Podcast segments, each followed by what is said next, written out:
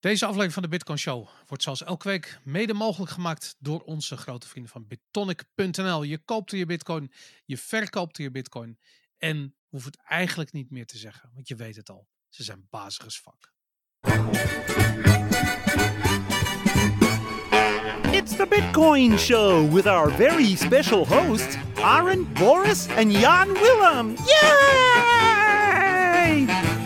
Welkom bij de 35e aflevering van de Bitcoin Show. Jawel, en vandaag heb ik een paar huishoudelijke mededelingen. Om te beginnen, je kunt ons volgen op uh, t.me slash de Bitcoin Show. Uh, onze website is www.debitcoinshow.nl en op Twitter de Bitcoin Show.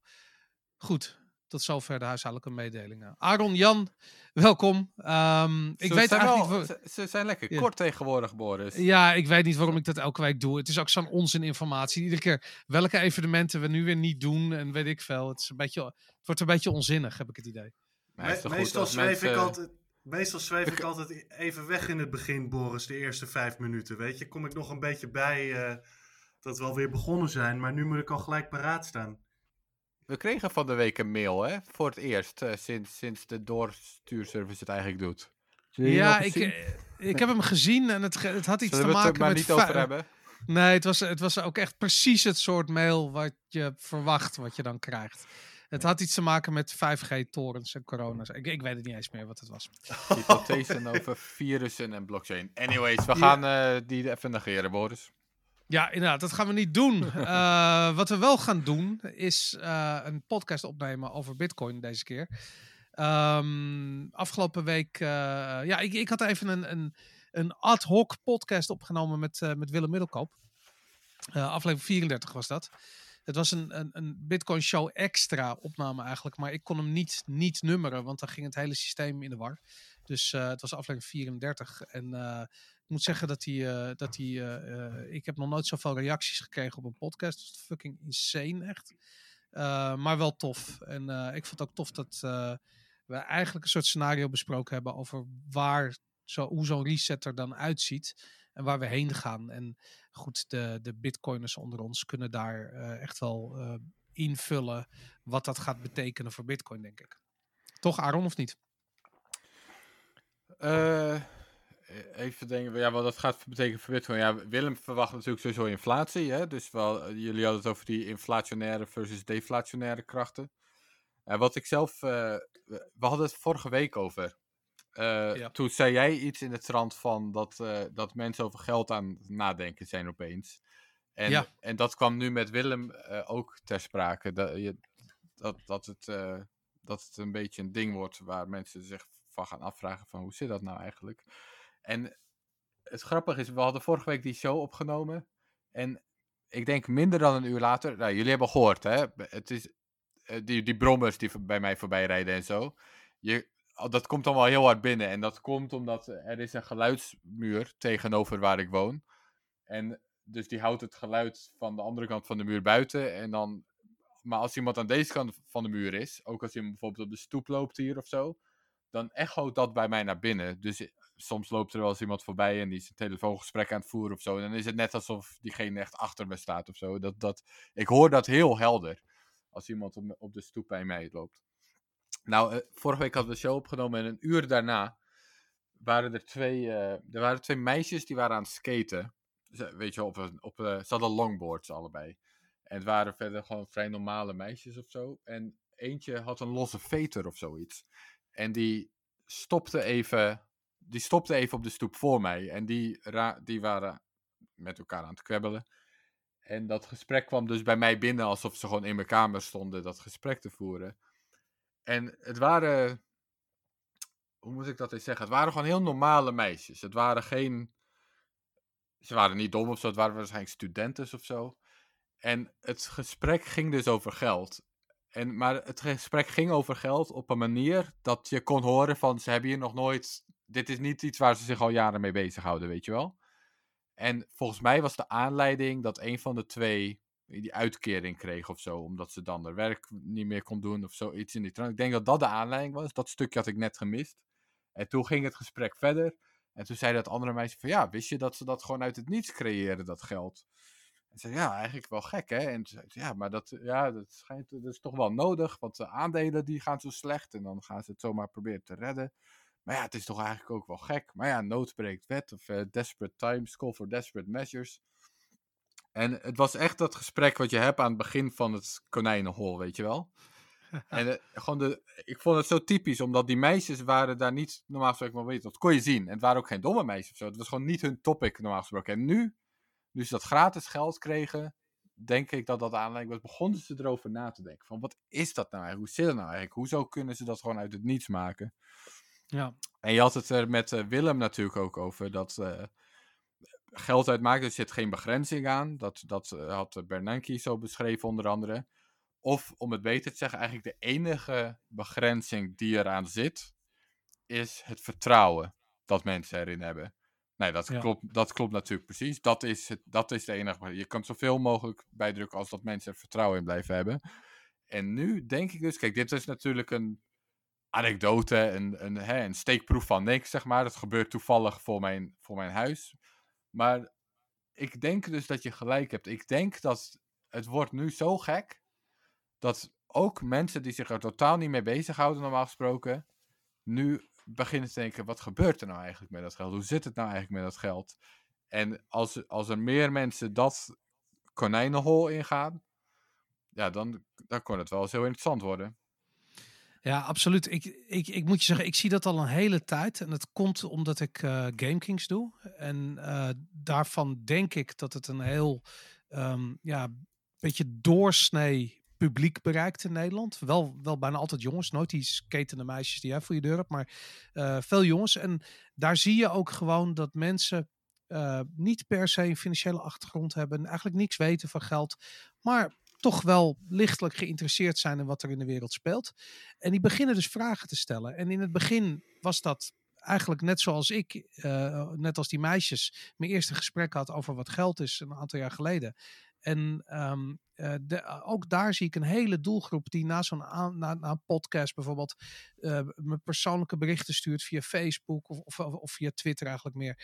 En gewoon van dat soort hele specifieke vragen hebben. Van wat is nou eigenlijk inflatie? En wat, wat is het effect daarvan? En moet ik een huis kopen, ja of nee? En ik bedoel, ik geef geen advies of zo, maar ik vind het zo fascinerend dat mensen die dat leerproces ingaan. En het begint altijd met dezelfde vraag. En dat is eigenlijk van, maar wat geeft die euro dan, dan waarde? Wat geeft geld waarde? Wat, wat, wat zorgt ervoor dat je voor 2 euro een brood kunt kopen. Waarom is dat zo? En mensen die, die, die, die, die zichzelf die vraag stellen, die worden direct soort van weggeblazen door het spectrum aan mogelijke antwoorden op, de, op die vragen.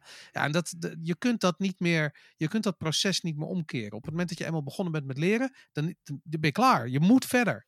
En dat vind ik zo tof eraan. Nou ja, precies. En daarom als je dus iemand ziet aan het begin van dat konijnenhol, van ja, die, als je er eenmaal in gaat, dan ga je erin. Ja. Some things can't be unseen. Toch Jan, of niet? Wat vind jij? Ja, misschien wel. Um, ik denk alleen uh, waar ik wel. Ik, ik ben wel met jullie eens. Ik denk wel dat er meer mensen vragen gaan stellen nu. Uh, de vraag is waar zij uh, met hun vragen gaan eindigen. kijk, want je had begonnen eigenlijk met de vraag: hoe gaat dit een impact hebben op Bitcoin? Ja, dat weet ik nog net zo. dat weet, daar had Nick Carter in een van de artikelen deze week ook over. Ik, ik ben daar nog niet zo van overtuigd. Kijk, als ik kijk naar de laatste tien jaar wat zijn de effecten geweest? Uh, waar heeft, uh, naar mijn idee, vooral uh, zeg maar het, nou ja, het losse monetaire beleid een, invloed gehad? Ja, het heeft heel veel invloed gehad op aandelenbeurzen. Dus moet ik dan de logische conclusie niet maar trekken dat ik eigenlijk nu al mijn geld maar gewoon in aandelenbeurzen moet steken? Want ze zijn hetzelfde trucje nog een keer aan het doen.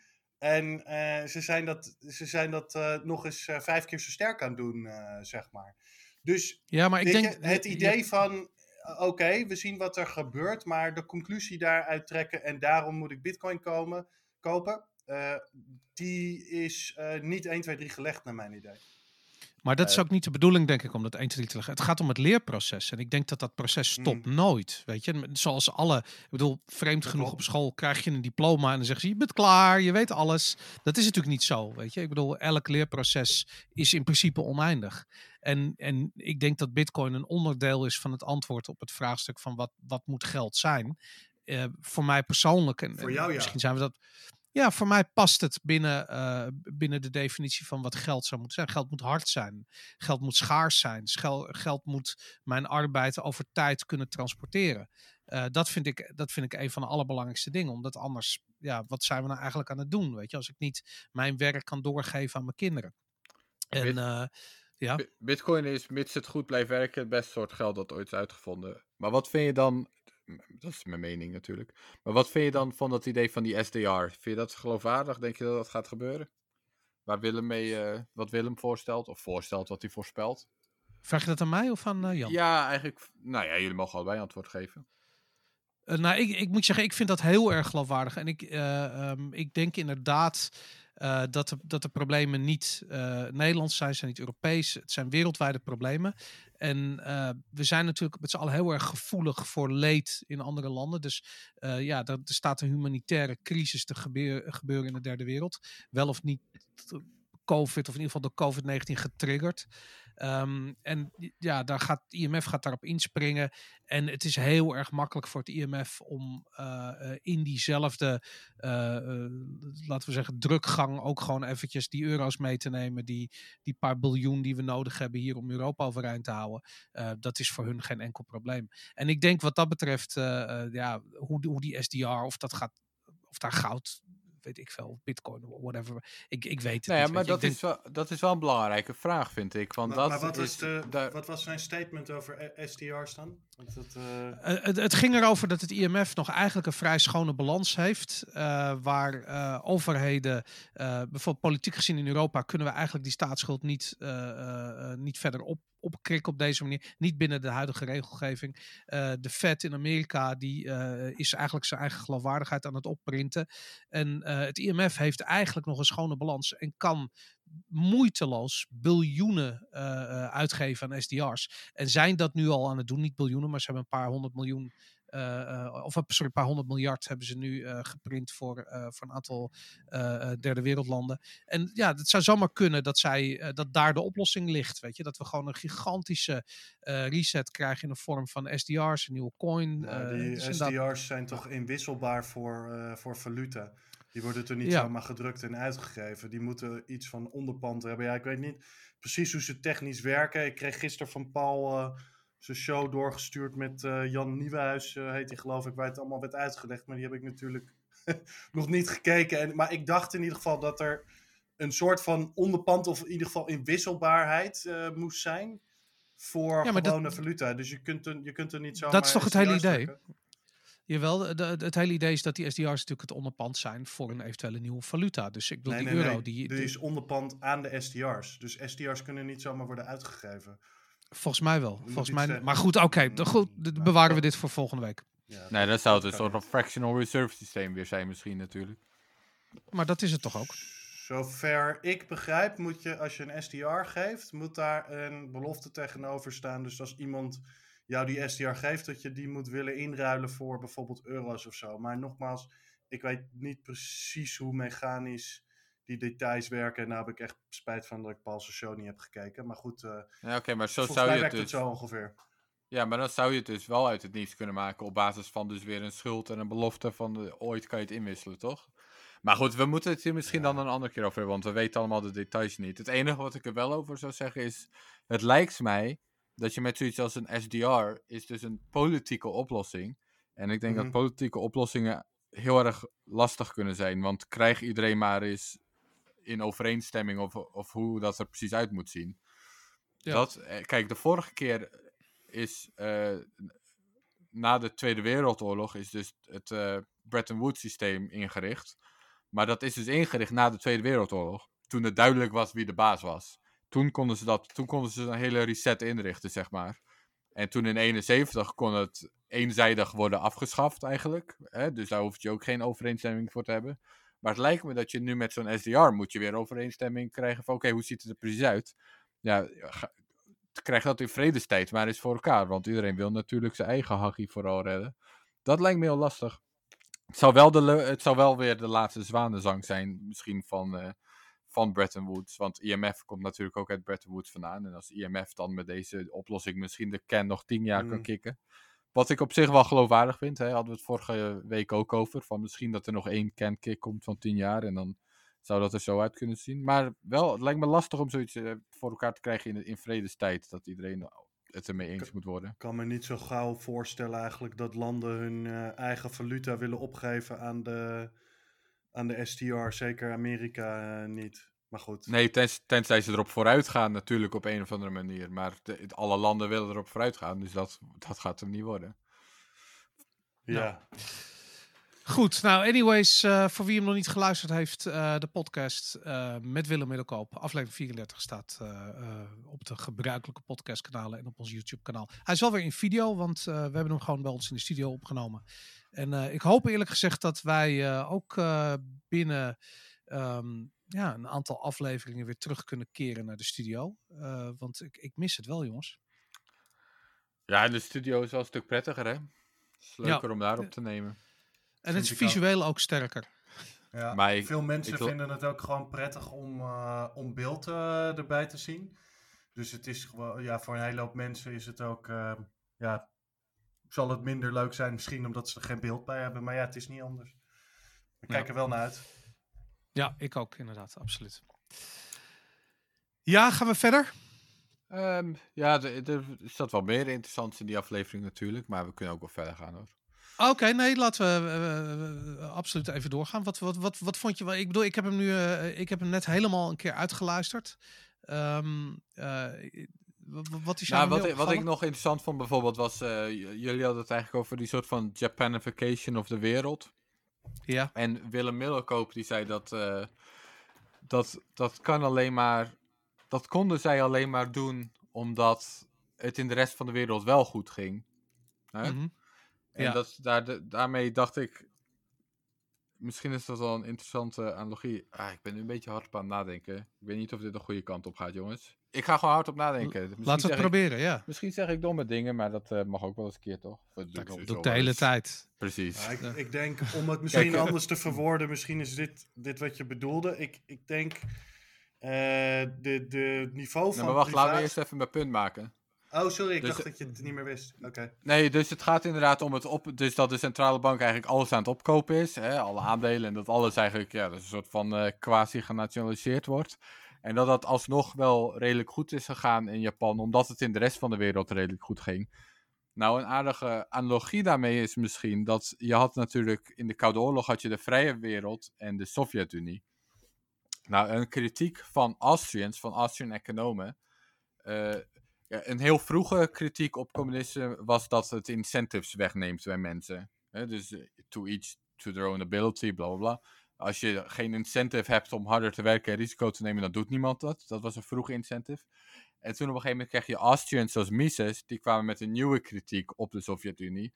Namelijk dat je prijzen nodig hebt voor, uh, als een soort van communicatiemiddel in een markt. Dus om, om uh, de, de resources, de goederen en zo op de goede plek te krijgen. Wie het het meest nodig heeft. En ook uh, industrieën die shiften naar nieuwe resources, als eentje te schaars wordt. En allemaal dat kan allemaal zonder central management, zonder central planning. Op basis van prijzen. Dus prijzen die omhoog en omlaag gaan. Dat is het communicatiemiddel. En natuurlijk ging het met de Sovjet-Unie nog best lang redelijk goed. En daarover zeiden zij van ja, een, een van de redenen dat het nog enigszins goed gaat, dat komt omdat er ook een vrije wereld is waar het prijssysteem werkt. Dus de Sovjet-Unie kan eigenlijk, zeg maar, de central planners kunnen eigenlijk een beetje afkijken bij de vrije wereld. Kunnen een beetje afkijken van wat zijn de prijzen, hoeveel is iets waard en wat, hoe, hoe werkt het een beetje weet je wel, wat voor uh, producten worden er geproduceerd en hoe dan. Bla. Ze konden afkijken bij de vrije wereld en op basis daarvan ging central planning nog enigszins redelijk. En dus ik vraag me af of je dan nu zo'n analogie van Japan ging het nog redelijk, dat soort van semi-nationaliseren. Maar als het overal zou gebeuren, dan wordt het gewoon een puinhoop. Nou ja, dit was mijn. welke uh, econoom beweerde dat? Mises beweerde uh, dat? Wat precies? Of dat het in de Sovjet-Unie relatief goed ging omdat er een prijssysteem was in het Westen? Dat de Sovjetten bij het Westen afkeken, want ik vind dat vrij implausibel namelijk. Dus ik vroeg me af wie dat zei. Um, ja, dat zou Mises kunnen zijn geweest of Hayek. Dat zou ik even uit me. Dat ja, dat zou ik even moeten nazoeken. Weet ik ja. niet zo goed. Okay. Om daar heel even op in te haken. Ik, ik vind dat, uh, dat, punt van Japan, want ik, ik vind Japan echt fascinerend. En het grote verschil inderdaad uh, met Japan en veel andere landen is dat Japan natuurlijk een ontzettend sterke productiecultuur heeft. Uh, en dus op een bepaalde manier is gewoon een, een zogenaamde creditor nation. Dus zij, maken, zij produceren veel, verkopen dat, krijgen daar dollars voor terug. En dat, uh, um, ja, dat geeft een hele sterke positie. Zo sterk blijkbaar dat ze de boel overeind hebben kunnen houden. Maar ja, het zijn van een productieland, dat valt of staat natuurlijk met, het, met de economische middelen die de landen waar je aan levert hebben. En dat was inderdaad het geval. Dat natuurlijk, eh, waar zij naar exporteren, namelijk andere Aziatische landen, China of Amerika, daar, uh, en Europa natuurlijk, daar, daar is geld. Dus die kochten die producten.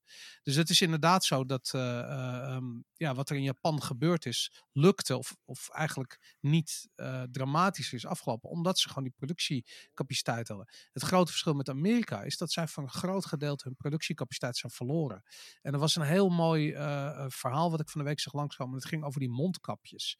En er staat in heel Amerika, ik bedoel een land van 319 miljoen mensen, staat één fabriek van 3M die ze in allerhaast hebben omgeturnd om mondkapjes uh, te produceren. En het lukt die fabriek dus niet om die, uh, om die dingen te maken, om die dingen winstgevend te krijgen. Omdat het productie in Amerika zo duur is dat het eigenlijk geen zin heeft om daar dingen te produceren. Tenzij er zo'n noodverordening is, wat dus nu door de uh, overheid is ingesteld. Daardoor doen ze die productie. Maar Amerika is die productiecapaciteit eigenlijk verloren. Dat is gewoon geëxporteerd naar, naar, naar, naar Zuid- of Midden-Amerika, naar, naar China voor een groot gedeelte, naar de rest van Azië. Maar in Amerika zelf is die productie weg. En dat is een groot verschil met Japan. En daarom uh, zou dat dus wel eens nu, en overigens is in Europa min of meer hetzelfde aan de hand. Um, maar goed, dat zou dus kunnen betekenen dat uh, wij er wat minder uh, rooskleurig voor staan dan dat Japan dat, uh, dat deed in, in de jaren negentig. Maar dat hangt er, ja, misschien dat toen de tijd in de jaren negentig er nog veel productie was in Japan, maar dat is toch inmiddels ook een diensteconomie? Nou, het is na de Tweede Wereldoorlog nooit opgehouden. toch? Ja, auto's, elektronica, ja, oké, okay, maar goed. we moeten ook niet ik vind wel dat je een beetje onderschat uh, hoeveel productie Amerika nog heeft. Ik bedoel, er werken een hoeveelheid mensen gelijk aan de bevolking in Nederland gewoon in manufacturing nog steeds in, in Amerika. Tuurlijk, een hele hoop is naar, andere, naar andere landen gegaan, maar er ligt nog steeds een, een hele hoop productie in, in Amerika. En zeker bij een hele hoop grote bedrijven, bij Apple en zo, ligt ook een hele hoop van bijvoorbeeld het ontwerpwerk en dat soort zaken liggen ook nog allemaal in Amerika. Sterker nog, na alles wat er nu gebeurd is, vermoed ik dat een hele hoop productie ook weer terug gaat verhuizen naar het, uh, ja, nou ja, laten we het maar het Westen, Westen noemen. Het klinkt misschien als iets te één groot geheel. En dat heeft natuurlijk niet alleen daarmee te maken, ook met andere factoren. factoren. Productie kost eenmaal minder aan, aan mankracht inmiddels. Kijk, 30 jaar geleden had je het nog vooral over, over mensenhanden waar de kosten in zaten. Maar inmiddels is een hele hoop uh, geautomatiseerd. Er zijn ook andere voordelen je productie dichterbij te brengen. Omdat je dan bijvoorbeeld je ontwerp en je marktteams dichter bij productie hebt. En nu heb je dit er ook nog eens bovenop. Ik ben daar nog niet. Uh, ik, ik, ik, ja, nou goed. Ik, vind het, uh, ik vond het wat een onderschatting aan hoeveel productie er nog daadwerkelijk is in Amerika. En steker nog, ik denk dat die weer van een groot deel terug, terug zou gaan. Ja, ik zeg, nou goed, oké. Okay. ik, ik, ik weet ook niet of mijn gemijmer uh, nou heel erg uh, kan, ergens op sloeg. Maar ja, het punt is natuurlijk dus dat door, door alles op te kopen, dan verstoor je ook de markt. Dus dat er, is er zeker moet iets, Something's ja. gotta give. En ik zit een beetje hard op na te denken hoe dat nou, waarom dat nou eigenlijk kan en hoe lang dat zou kunnen. En... Maar ja. Maar ja, absoluut. Goed. Ja, nee, klopt. Oké. Um, even kijken, ik zit stiekem even snel een... Uh, je, had, je had het net over mondkapjes uh, en, en dat daar verordeningen op zijn en zo. Maar die, ja. dat soort dingen zijn dus nu ook allemaal op dark, uh, darknets te vinden. Ja, daar wou ik eigenlijk maar afsluiten. Maar dat, als je er nu al over begint, dan, dan gaan we dat nu... Het, het, het fascinerende is dat er is een bedrijfje die heeft wat, wat, wat analyse gedaan naar wat er op darknet markets zoal verhandeld wordt. En ik zoek heel eventjes de naam van het bedrijf. dat, de, de blockchain analysebedrijf heet Elliptic.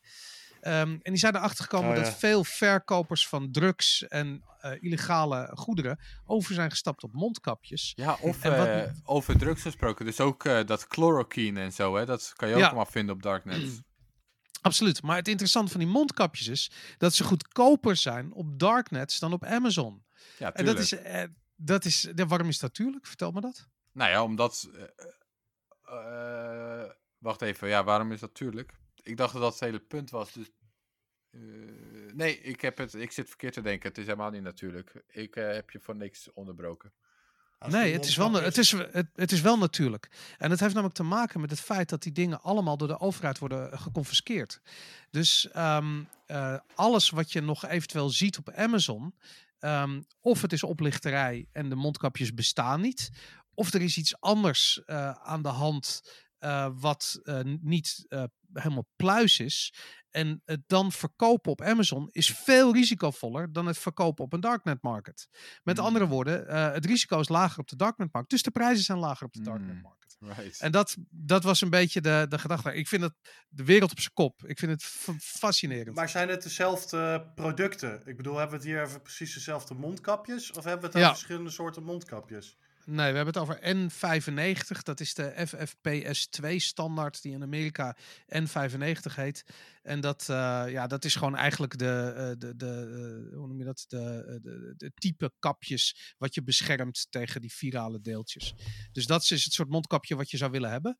En um, ja, die, die worden natuurlijk op zich massaal aangeboden in China en weet ik wat. Die worden nu weer geproduceerd. Even los van, van, van de kwaliteitsgarantie. Want ik kan me voorstellen dat iedereen op dit ogenblik mondkapjes aan het maken is. Maar het idee dat je die dus uh, goedkoper kunt krijgen op het darknet market. Dat is, uh, uh, ja, het is fascinerend. En denk maar na, als jij drugs zou willen verkopen en je zou bijvoorbeeld cocaïne gaan verkopen op Amazon. Een gigantisch risico. Dan ga je daar ook veel meer geld voor vragen. Want dat risico moet, ja, dat moet afgedekt worden. Ja, dat, uh, dat, dat, dat zou kunnen. Misschien dat het inderdaad een uh, factor is. Maar ik vraag me af of, uh, of het niet zo... Ja, dat je had laatst dat je ook een arts of iemand in Amerika... die had een hele hoop mondkapjes opgekocht... en die was op eBay verkopen... en toen werden ze allemaal weer geconfiskeerd door de overheid. Maar wat ik me ook afvraag... is of een hele hoop van die mondkapjes op... Um, de darknet markets niet gewoon, gewoon bagger zijn. Dat kan natuurlijk ook. Nou, je hebt op, je hebt op uh, Darknet Market uitstekende user reviews hoor. Ja, ja vraag, inderdaad. Vraag me niet hoe ik dat weet, maar uh, dat schijnt. dat heb ik gehoord. Okay, ja, nou, reputatie is heel belangrijk. Ja, inderdaad. Ik heb een keer een documentaire gezien. Inderdaad. nou ja, er was, had je dat meegekregen? Die man in uh, New York die allerlei mondkapjes had opgekocht en op eBay voor duurder aan het verkopen was. Ja, ja dat heb ik meegekregen. En, en, het is exact dit, inderdaad. Ja, ja. Dus daar, hij, ze hebben een voorbeeld van hem gemaakt. En daardoor heeft iedereen die die dingen thuis heeft liggen, heeft zoiets van: oké, dat gaan we dus even niet via eBay en Amazon doen. Want dat risico is gewoon te groot. Dus die, uh, die, dat gaat nu via de darknet markets. En ik vind dat fantastisch. Ik juich het toe. Ik applaudisseer voor de darknet markets. Ik vind het. Uh, ik Zijn bedoel, de vrije markten. Het is echt een vrije markt, absoluut. En ik bedoel, in, in de tijden dat uh, het ijzeren gordijn nog vier overeind stond, toen was er ook een zwarte markt in Rusland waar je alles kon kopen. Je spijkerbroeken, alles wat in het Westen te koop was. Het was gewoon ontzettend duur. Maar het was er wel. En ja, vrije markt laat zich gewoon niet, um, laat zich niet beteugelen. Uh, dat, is, dat is eigenlijk een beetje het punt hiervan. Nou, er is of, een. Of beter. Uh, ja, ik zou zeggen, gewoon, gewoon vrije mensen laten zich niet beteugelen. En die gaan een markt vormen. Dat is nog beter. Ik heb ooit eens een keer een uh, presentatie gezien. Volgens mij heet die Pieter Muller. Een hele vrij bekende Oostenrijkse econoom bij, uh, hoe heet het? George Mason uh, University. Met een ehm, argument voor waarom je beter de vrije markt in een crisistijd kan laten opereren. Ook al zijn dingen veel duurder. En hij had het bijvoorbeeld over water naar Katrina, wat voor vijf keer de prijs uh, werd uh, verkocht. Misschien kan ik het nog ooit eens een keer ergens terugvinden. Dat we een keer naar ja, ik, ik, ik ken dat. Ik heb dat ook gelezen. En, okay. en het, het, het, het, argument was volgens mij, als je dat namelijk niet doet, dan is er gewoon geen water.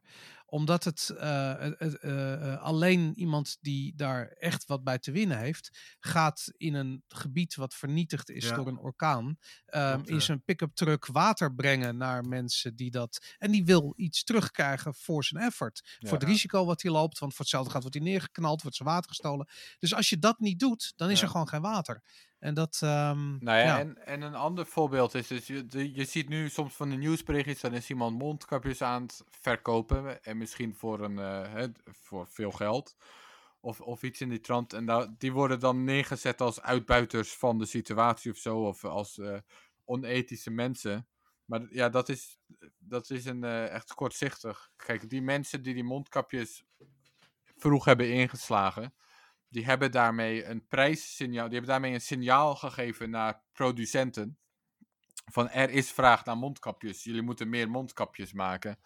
door ze vroeg te kopen, mhm. zorg, zorg je op dat moment dat producenten het zijn krijgen, oké, mondkapjes. Op dit moment, daarmee namen die mensen natuurlijk een risico om die mondkapjes te kopen voordat er vraag voor was.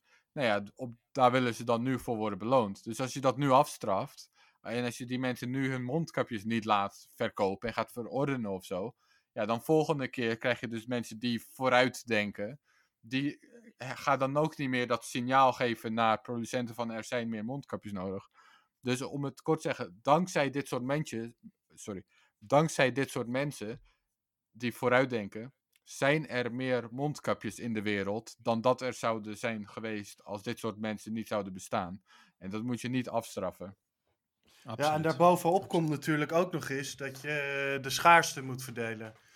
Dus uh, hè, als je de prijzen kunstmatig uh, laag houdt, uh, dan heb je denk ik minder garantie dat mondkapjes komt bij de mensen die het, die, het, die het nodig is.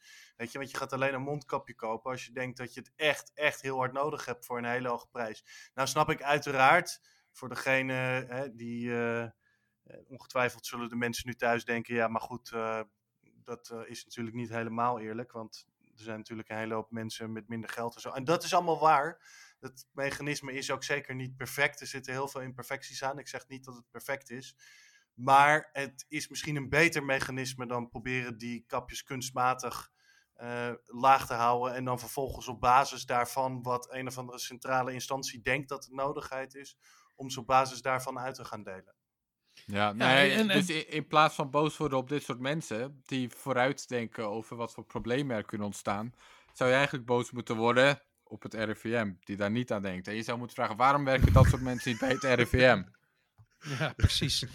Maar, om, maar het is natuurlijk ook, eh, we hebben het in de geschiedenis zo vaak gezien dat centraal aangestuurde uh, processen altijd leiden tot tekorten.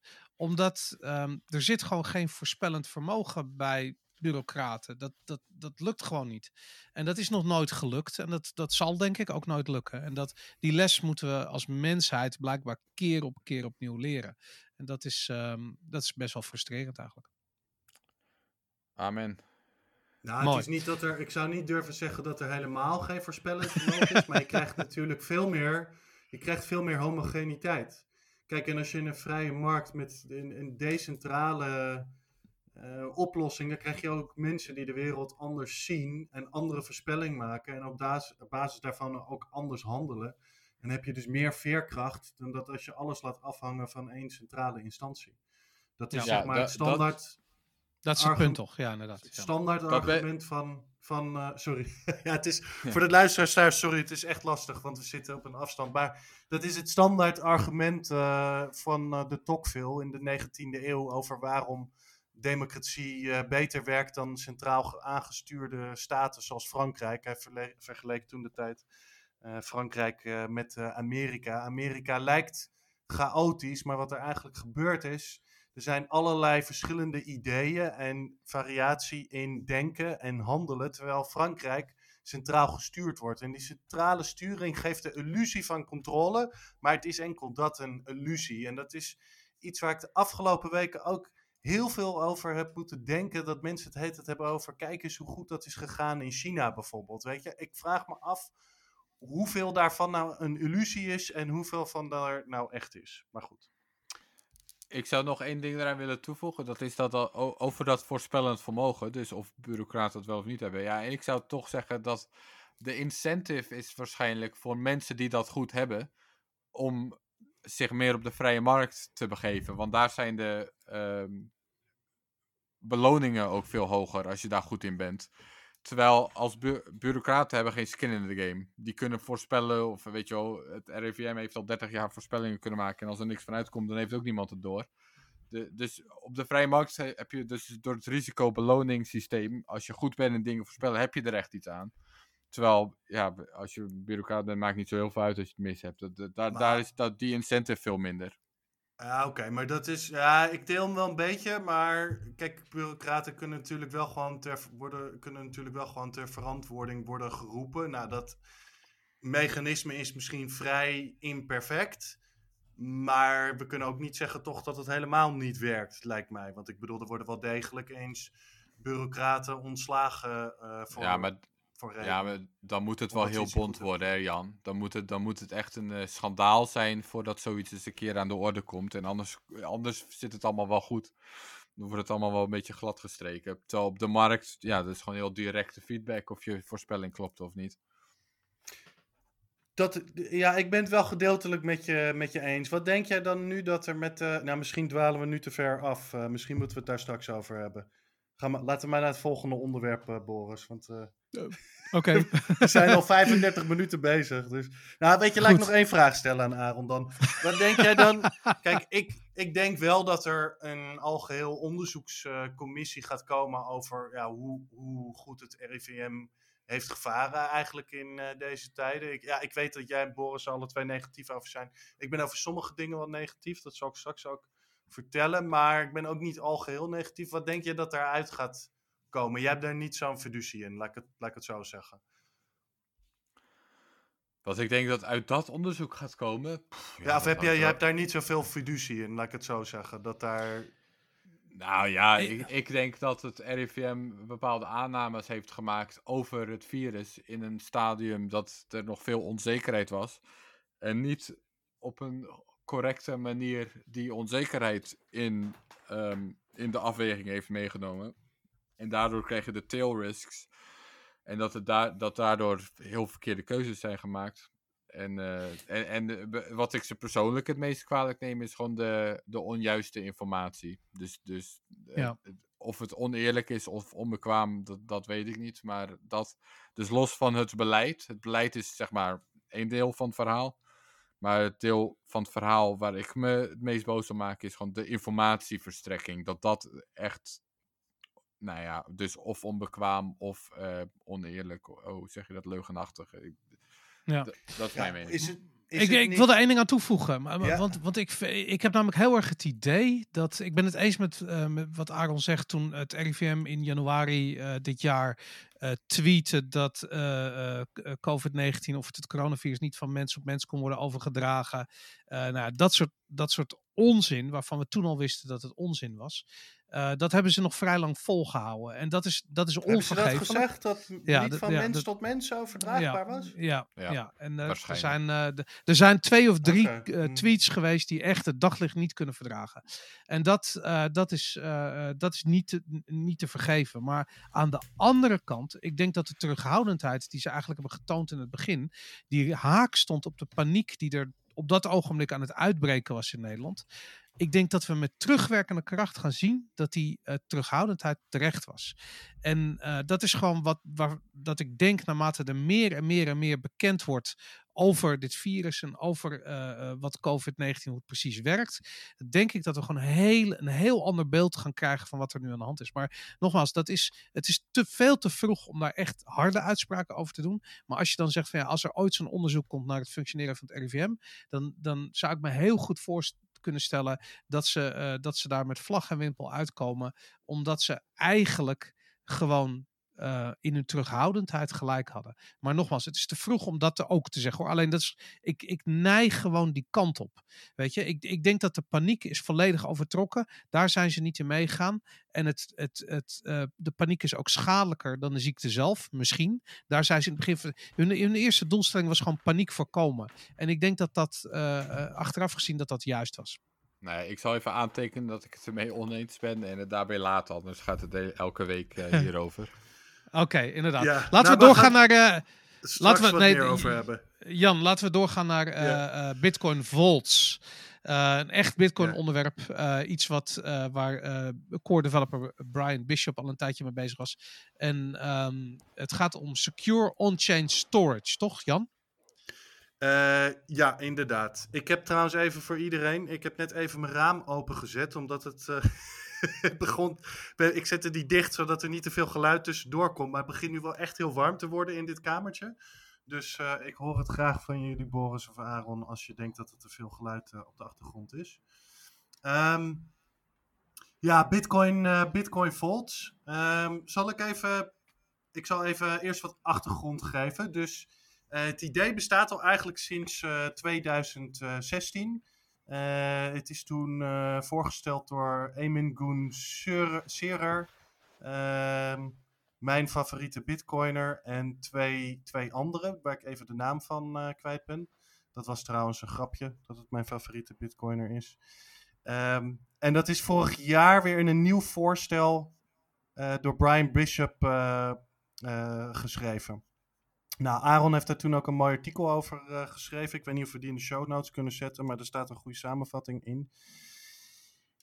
Wat is het idee nou eigenlijk van Bitcoin Vaults? Het hele idee is om diefstal minder aantrekkelijk te maken voor potentiële aanvallers. En het zou misschien een interessante innovatie kunnen zijn voor zowel exchanges als voor personen die, uh, bitcoins, die bitcoins opslaan. Nou ja, goed, we hebben toen al een beetje de mechaniek erachter verteld. Willen jullie dat ik die uiteenzet? Dat kost me wel even wat, uh, wat tijd, denk ik. Maar ik kan het uiteenzetten als je wil. Nou, misschien kun je even vertellen hoe het, wat, wat de voordelen zijn. Als ik dat zou willen gebruiken, wat, wat, wat, wat gebeurt er dan? Hoe doe ik dat? Nou, nu, kijk, hij is, hij is nu met een uh, prototype uitgekomen. Daarom was het weer in het uh, nieuws. Met het prototype kan je nog niet zo heel veel. Dus uh, je kunt, dat moet eerst getest worden en dat soort zaken natuurlijk. Uiteindelijk wat je er zou mee kunnen. Eens even kijken. Um, het hangt er een beetje van af waar je het mee vergelijkt. Maar stel, jij, jij slaat je bitcoins ergens op. Op een bepaald bepaald adres. Bij die adres zit een private key. Zodra iemand die private key bemachtigt en dat geld overmaakt naar een ander adres, ben je gewoon je bitcoins kwijt. Ja, dus stel dat dat even het simpele scenario is, dat, dat dat is wat je doet. Als je een vault hebt, dan is er geen private key die mensen kunnen stelen op het adres waar je geld op staat. Wat je daarna wel kunt doen als je geld eraf wil halen, je bewaart eigenlijk uh, bepaalde, bepaalde transacties. Dan kun je die transacties uh, publiceren in de stappen, in de stappen daarna. Um, maar mocht er dan iets niet helemaal pluis zijn, dan ben je gedeeltelijk afgedekt voor risico's dat al je geld wordt gestolen. Dus stel je hebt 100 bitcoins uh, op je ergens, ergens staan.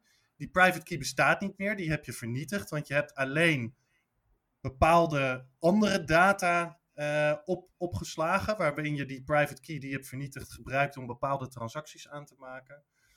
Uh, dan kan het zo zijn als later blijkt dat iemand iets van jou gestolen heeft, uh, dat je ja, of het geld weer terug kan krijgen op een bepaalde manier, of dat je maar gedeeltelijk verliezen hebt. Of het kan zelfs zo zijn dat je het die attacker heel erg lastig kan maken. Ehm, ook dat geld te claimen. En uiteindelijk zou je bijvoorbeeld het geld naar een burn-adres uh, kunnen sturen. Ja, op een, op een hoog niveau kan ik, er, kan ik er niet meer over zeggen, omdat je echt gewoon de onderliggende stappen moet weten hoe het, uh, hoe het werkt. Maar het is eigenlijk een manier om voor attackers het minder aantrekkelijk te maken om proberen je geld te stelen. Dus ze hebben gewoon veel minder, ze hebben minder incentive om dat te doen. En dat gaat via allemaal cryptografische trucjes en stapjes. Uh, gebeurt dat, maar zonder dat we die in, uh, onderliggende details bespreken, is dat eigenlijk wat er aan de hand is. Ja, je gooit de private key weg en je houdt een transactie waarmee je de bitcoins op een bepaalde manier kan uitgeven. En, of twee bepaalde manieren, waarvan één bepaalde manier is naar jouw wallet die je ergens hebt. En, en de andere manier is naar een andere kluis. Dus zelfs als iemand die transactie steelt, dan kunnen ze het eigenlijk alleen maar naar jouw wallet sturen of naar een andere kluis. En dan zouden ze dus eigenlijk nog meer dingen moeten gaan stelen om dan alsnog achter de bitcoins te komen. En dat kost weer tijd met timelocks en, uh, en dat soort dingen. Hm. Ja, daar komt het eigenlijk op neer. Ja, ik zal voor de vorm gewoon de stappen heel even kort noemen. Uh, en dan moeten mensen thuis maar zelf wat meer in detail uh, gaan. Maar je hebt eigenlijk in eerste een transactie. En in die eerste transactie stuur je je bitcoins naar een val toe. Dan gebruik je die private, die transactie publiceer je niet, hè? maar je maakt hem alleen aan. Dus je maakt hem alleen offline aan en je publiceert die transactie niet. Dan vervolgens van de vault waar je ze naartoe hebt gestuurd, daar pak je die private key van. En daar maak je een nieuwe transactie aan. Die transactie die kan uitgegeven op twee manieren. Eentje met gewoon een private key. En een andere heb je een private, uh, is het een transactie die het vervolgens weer verder stuurt naar een andere vault. Nou, dan gooi je bijvoorbeeld die, uh, je gooit eigenlijk twee keys weg. Dus die, die vault private key, zowel als die revault key. En dan publiceer je die vault transaction. Ja, wat gebeurt er nou eigenlijk? Je geld staat nu op een adres waar je niemand de private key van heeft. Dus niemand kan het ook stelen, want er staat niks op. Het enige wat jij hebt zijn twee transacties daarna. Die heten dan de delayed spend transaction en de refill transaction.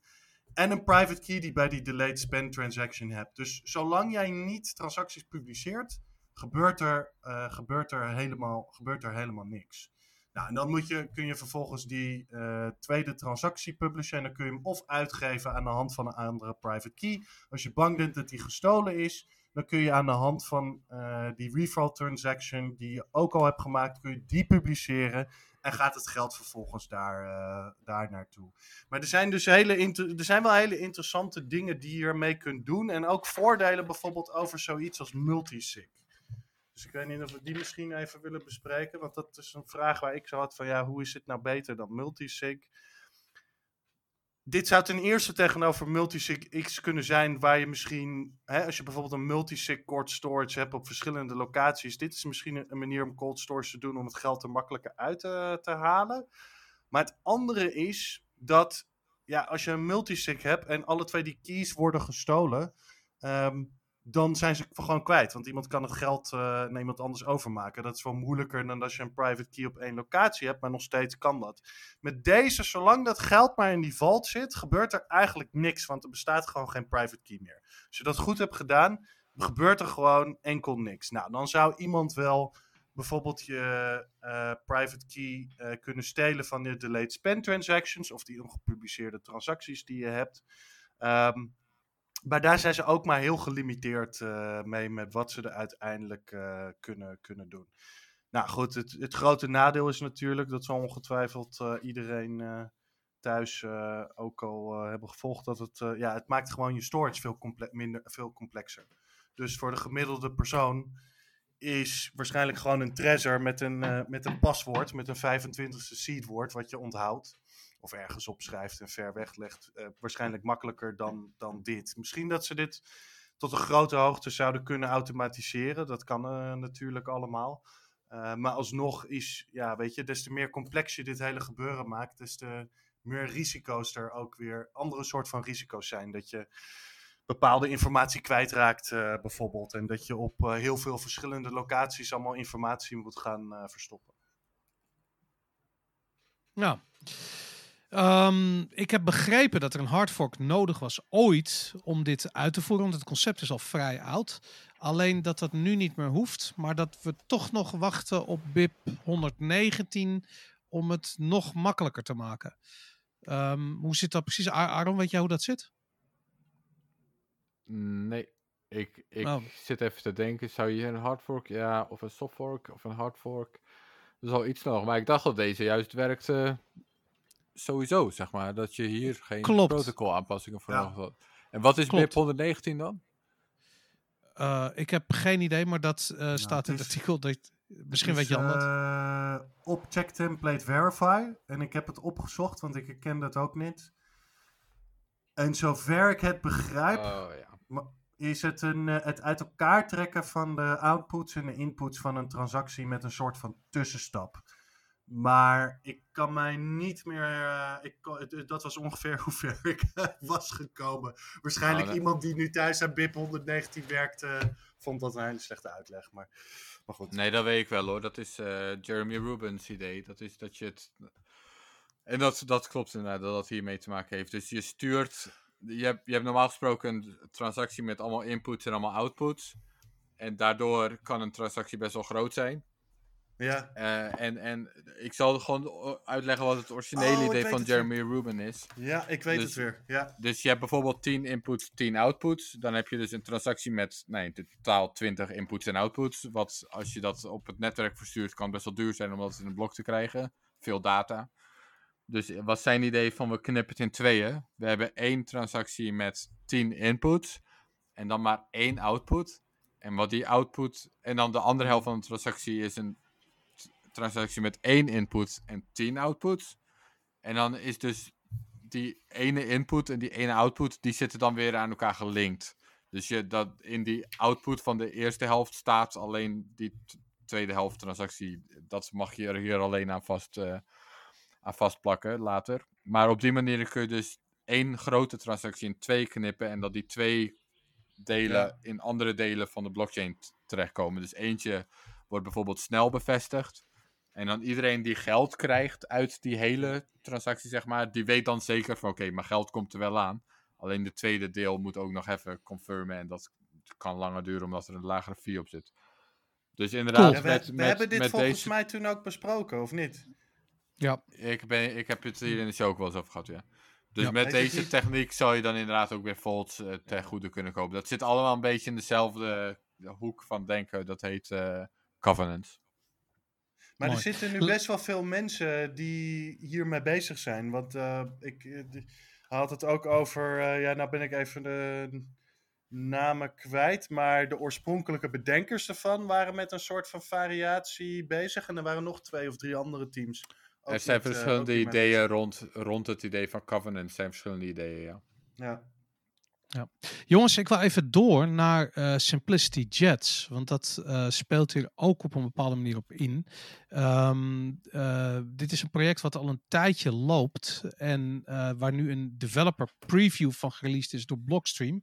aan het project wordt gewerkt door Andrew Polsta en Russell O'Connor. En Simplicity is eigenlijk een scripting taal waarmee je um, op een relatief simpele manier Lightning implementaties kunt bouwen. Uh, zoiets bestond nog niet, niet op deze manier. En dit, um, ja, het feit dat er nu een, uh, een developer preview is gereleased, wil eigenlijk zeggen dat het project bijna klaar is en um, ja, nu getest kan worden. Ik vind het fascinerend, omdat ik me kan voorstellen dat Lightning Development op dit ogenblik uh, ja, gewoon nog heel erg hoogdrempelig is. Uh, er zijn gewoon niet heel erg veel uh, tools beschikbaar om, um, ja, om je applicaties te bouwen. Um, en Simplicity zou het um, ja, als scriptingtaal ja, eigenlijk heel toegankelijk maken om vrij geavanceerde applicaties te bouwen. Waaronder dus bijvoorbeeld ook deze Volts waar we het net over hadden.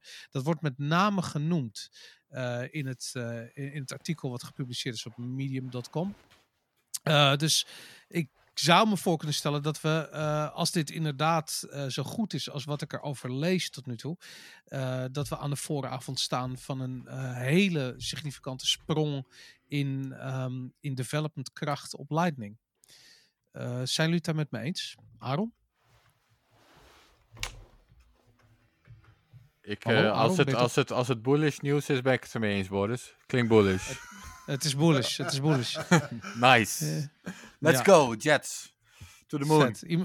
ja, nee, ik, ik, heb, ik heb hier niet heel erg naar gekeken, maar Simplicity is wel vet. Ik bedoel, uh, als je ontwikkelaar bent, veel simpeler wordt het niet, geloof ik, om dingen op Bitcoin te bouwen. Dus als dat voor Lightning komt, alleen maar mooi. Ja, nou inderdaad. Jan, uh, heb je je verdiept in Simplicity? Nee, hè?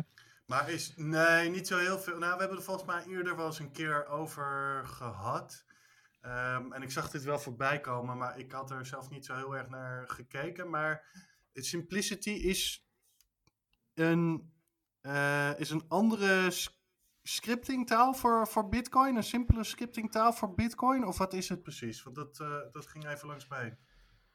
Uh, ja, dat is, als je het artikel leest, dan uh, zie je dat het precies dat is. Okay, okay, het is een scripting taal voor Bitcoin en voor uh, Lightning, en, maar ook voor sidechains, Bitcoin-achtige sidechains.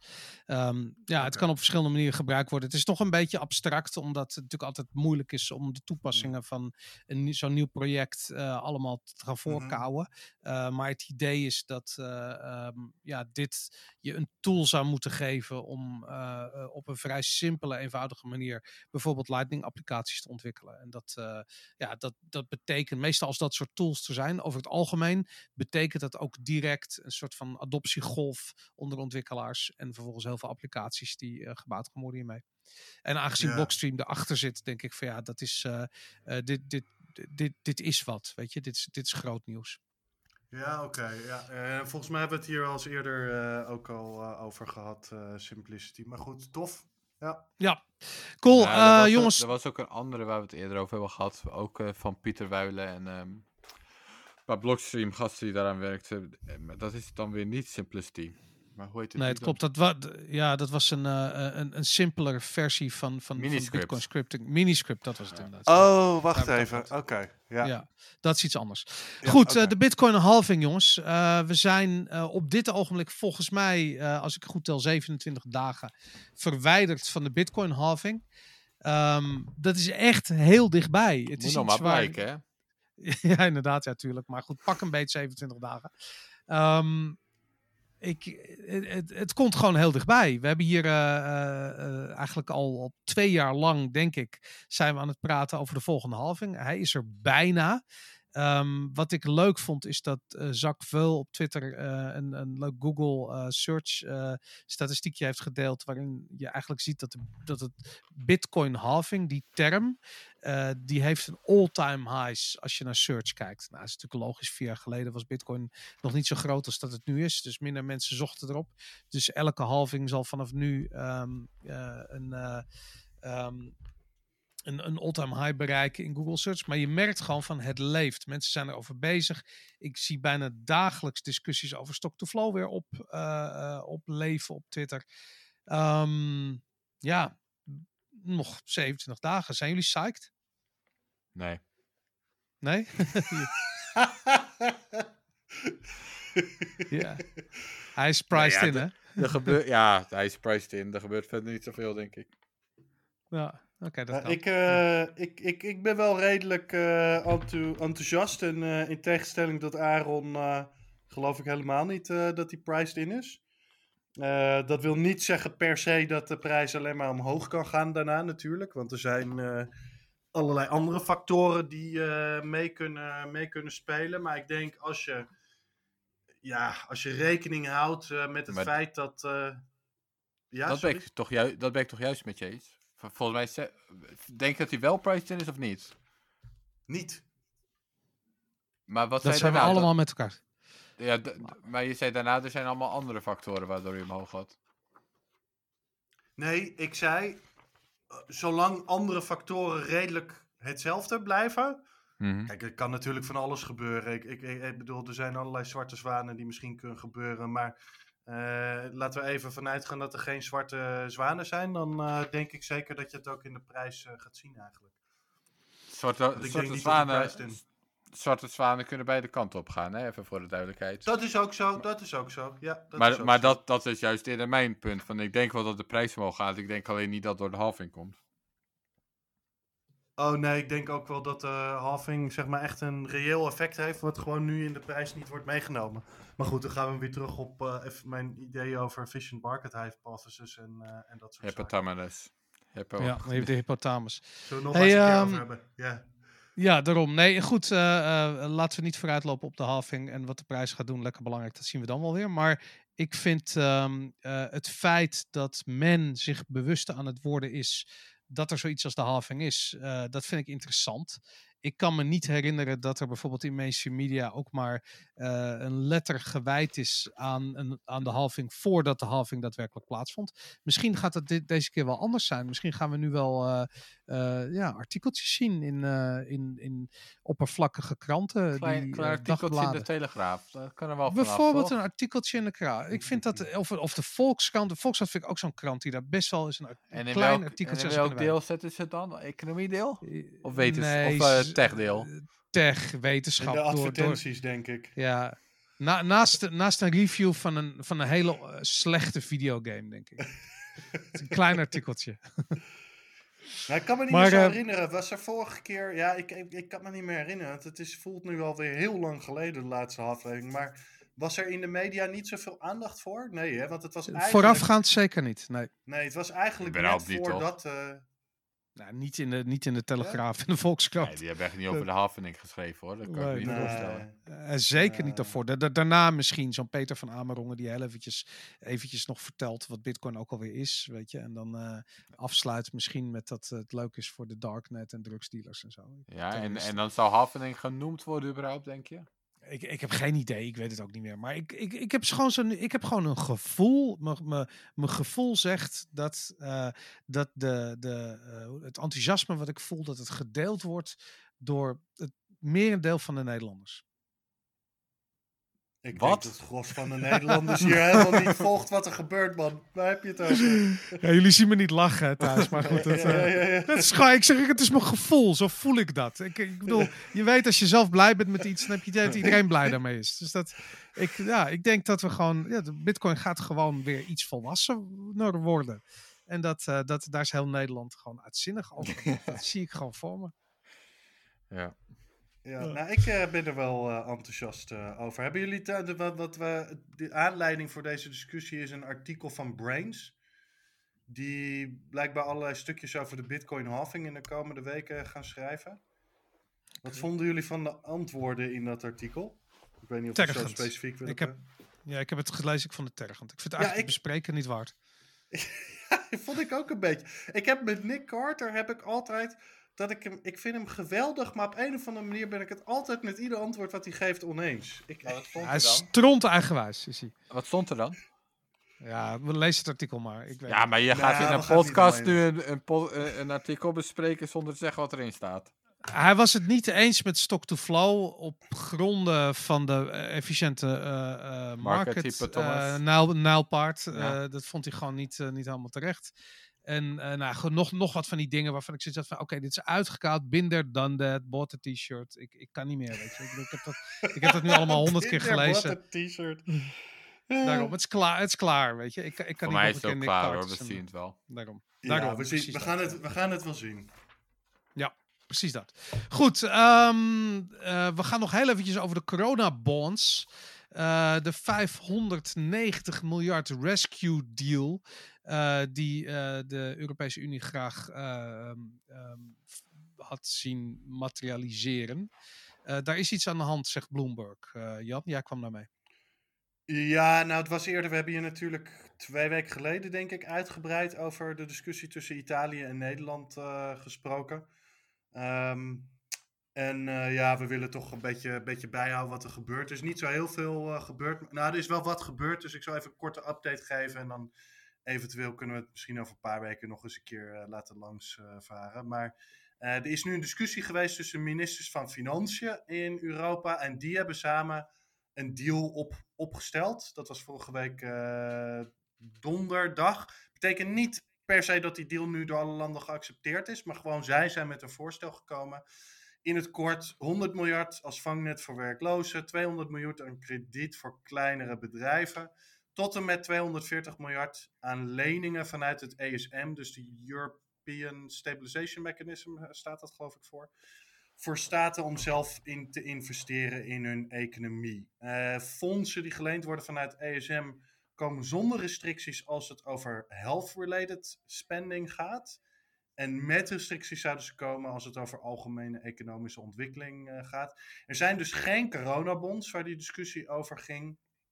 Um, er wordt wel nog iets gezegd over innovatieve financiële instrumenten, ongetwijfeld om iedereen tevreden te, te, houden, maar er wordt dus niet specifiek coronabonds genoemd. Deze deal is nog niet gefinaliseerd en de volgende stap is een meeting op 8, 23 april tussen regeringsleiders. Nou, er is al um, inmiddels um, de premier Italië, Giuseppe Conte, heeft zich al tegen uh, Giuseppe Conte, ja, ik, mijn Italiaans is niet echt goed, um, al zich tegen uitgesproken. zeker tegen het gedeelte van de ESM, want dat vond ik wel interessant en daar ben ik toch wel iets anders naar gaan kijken.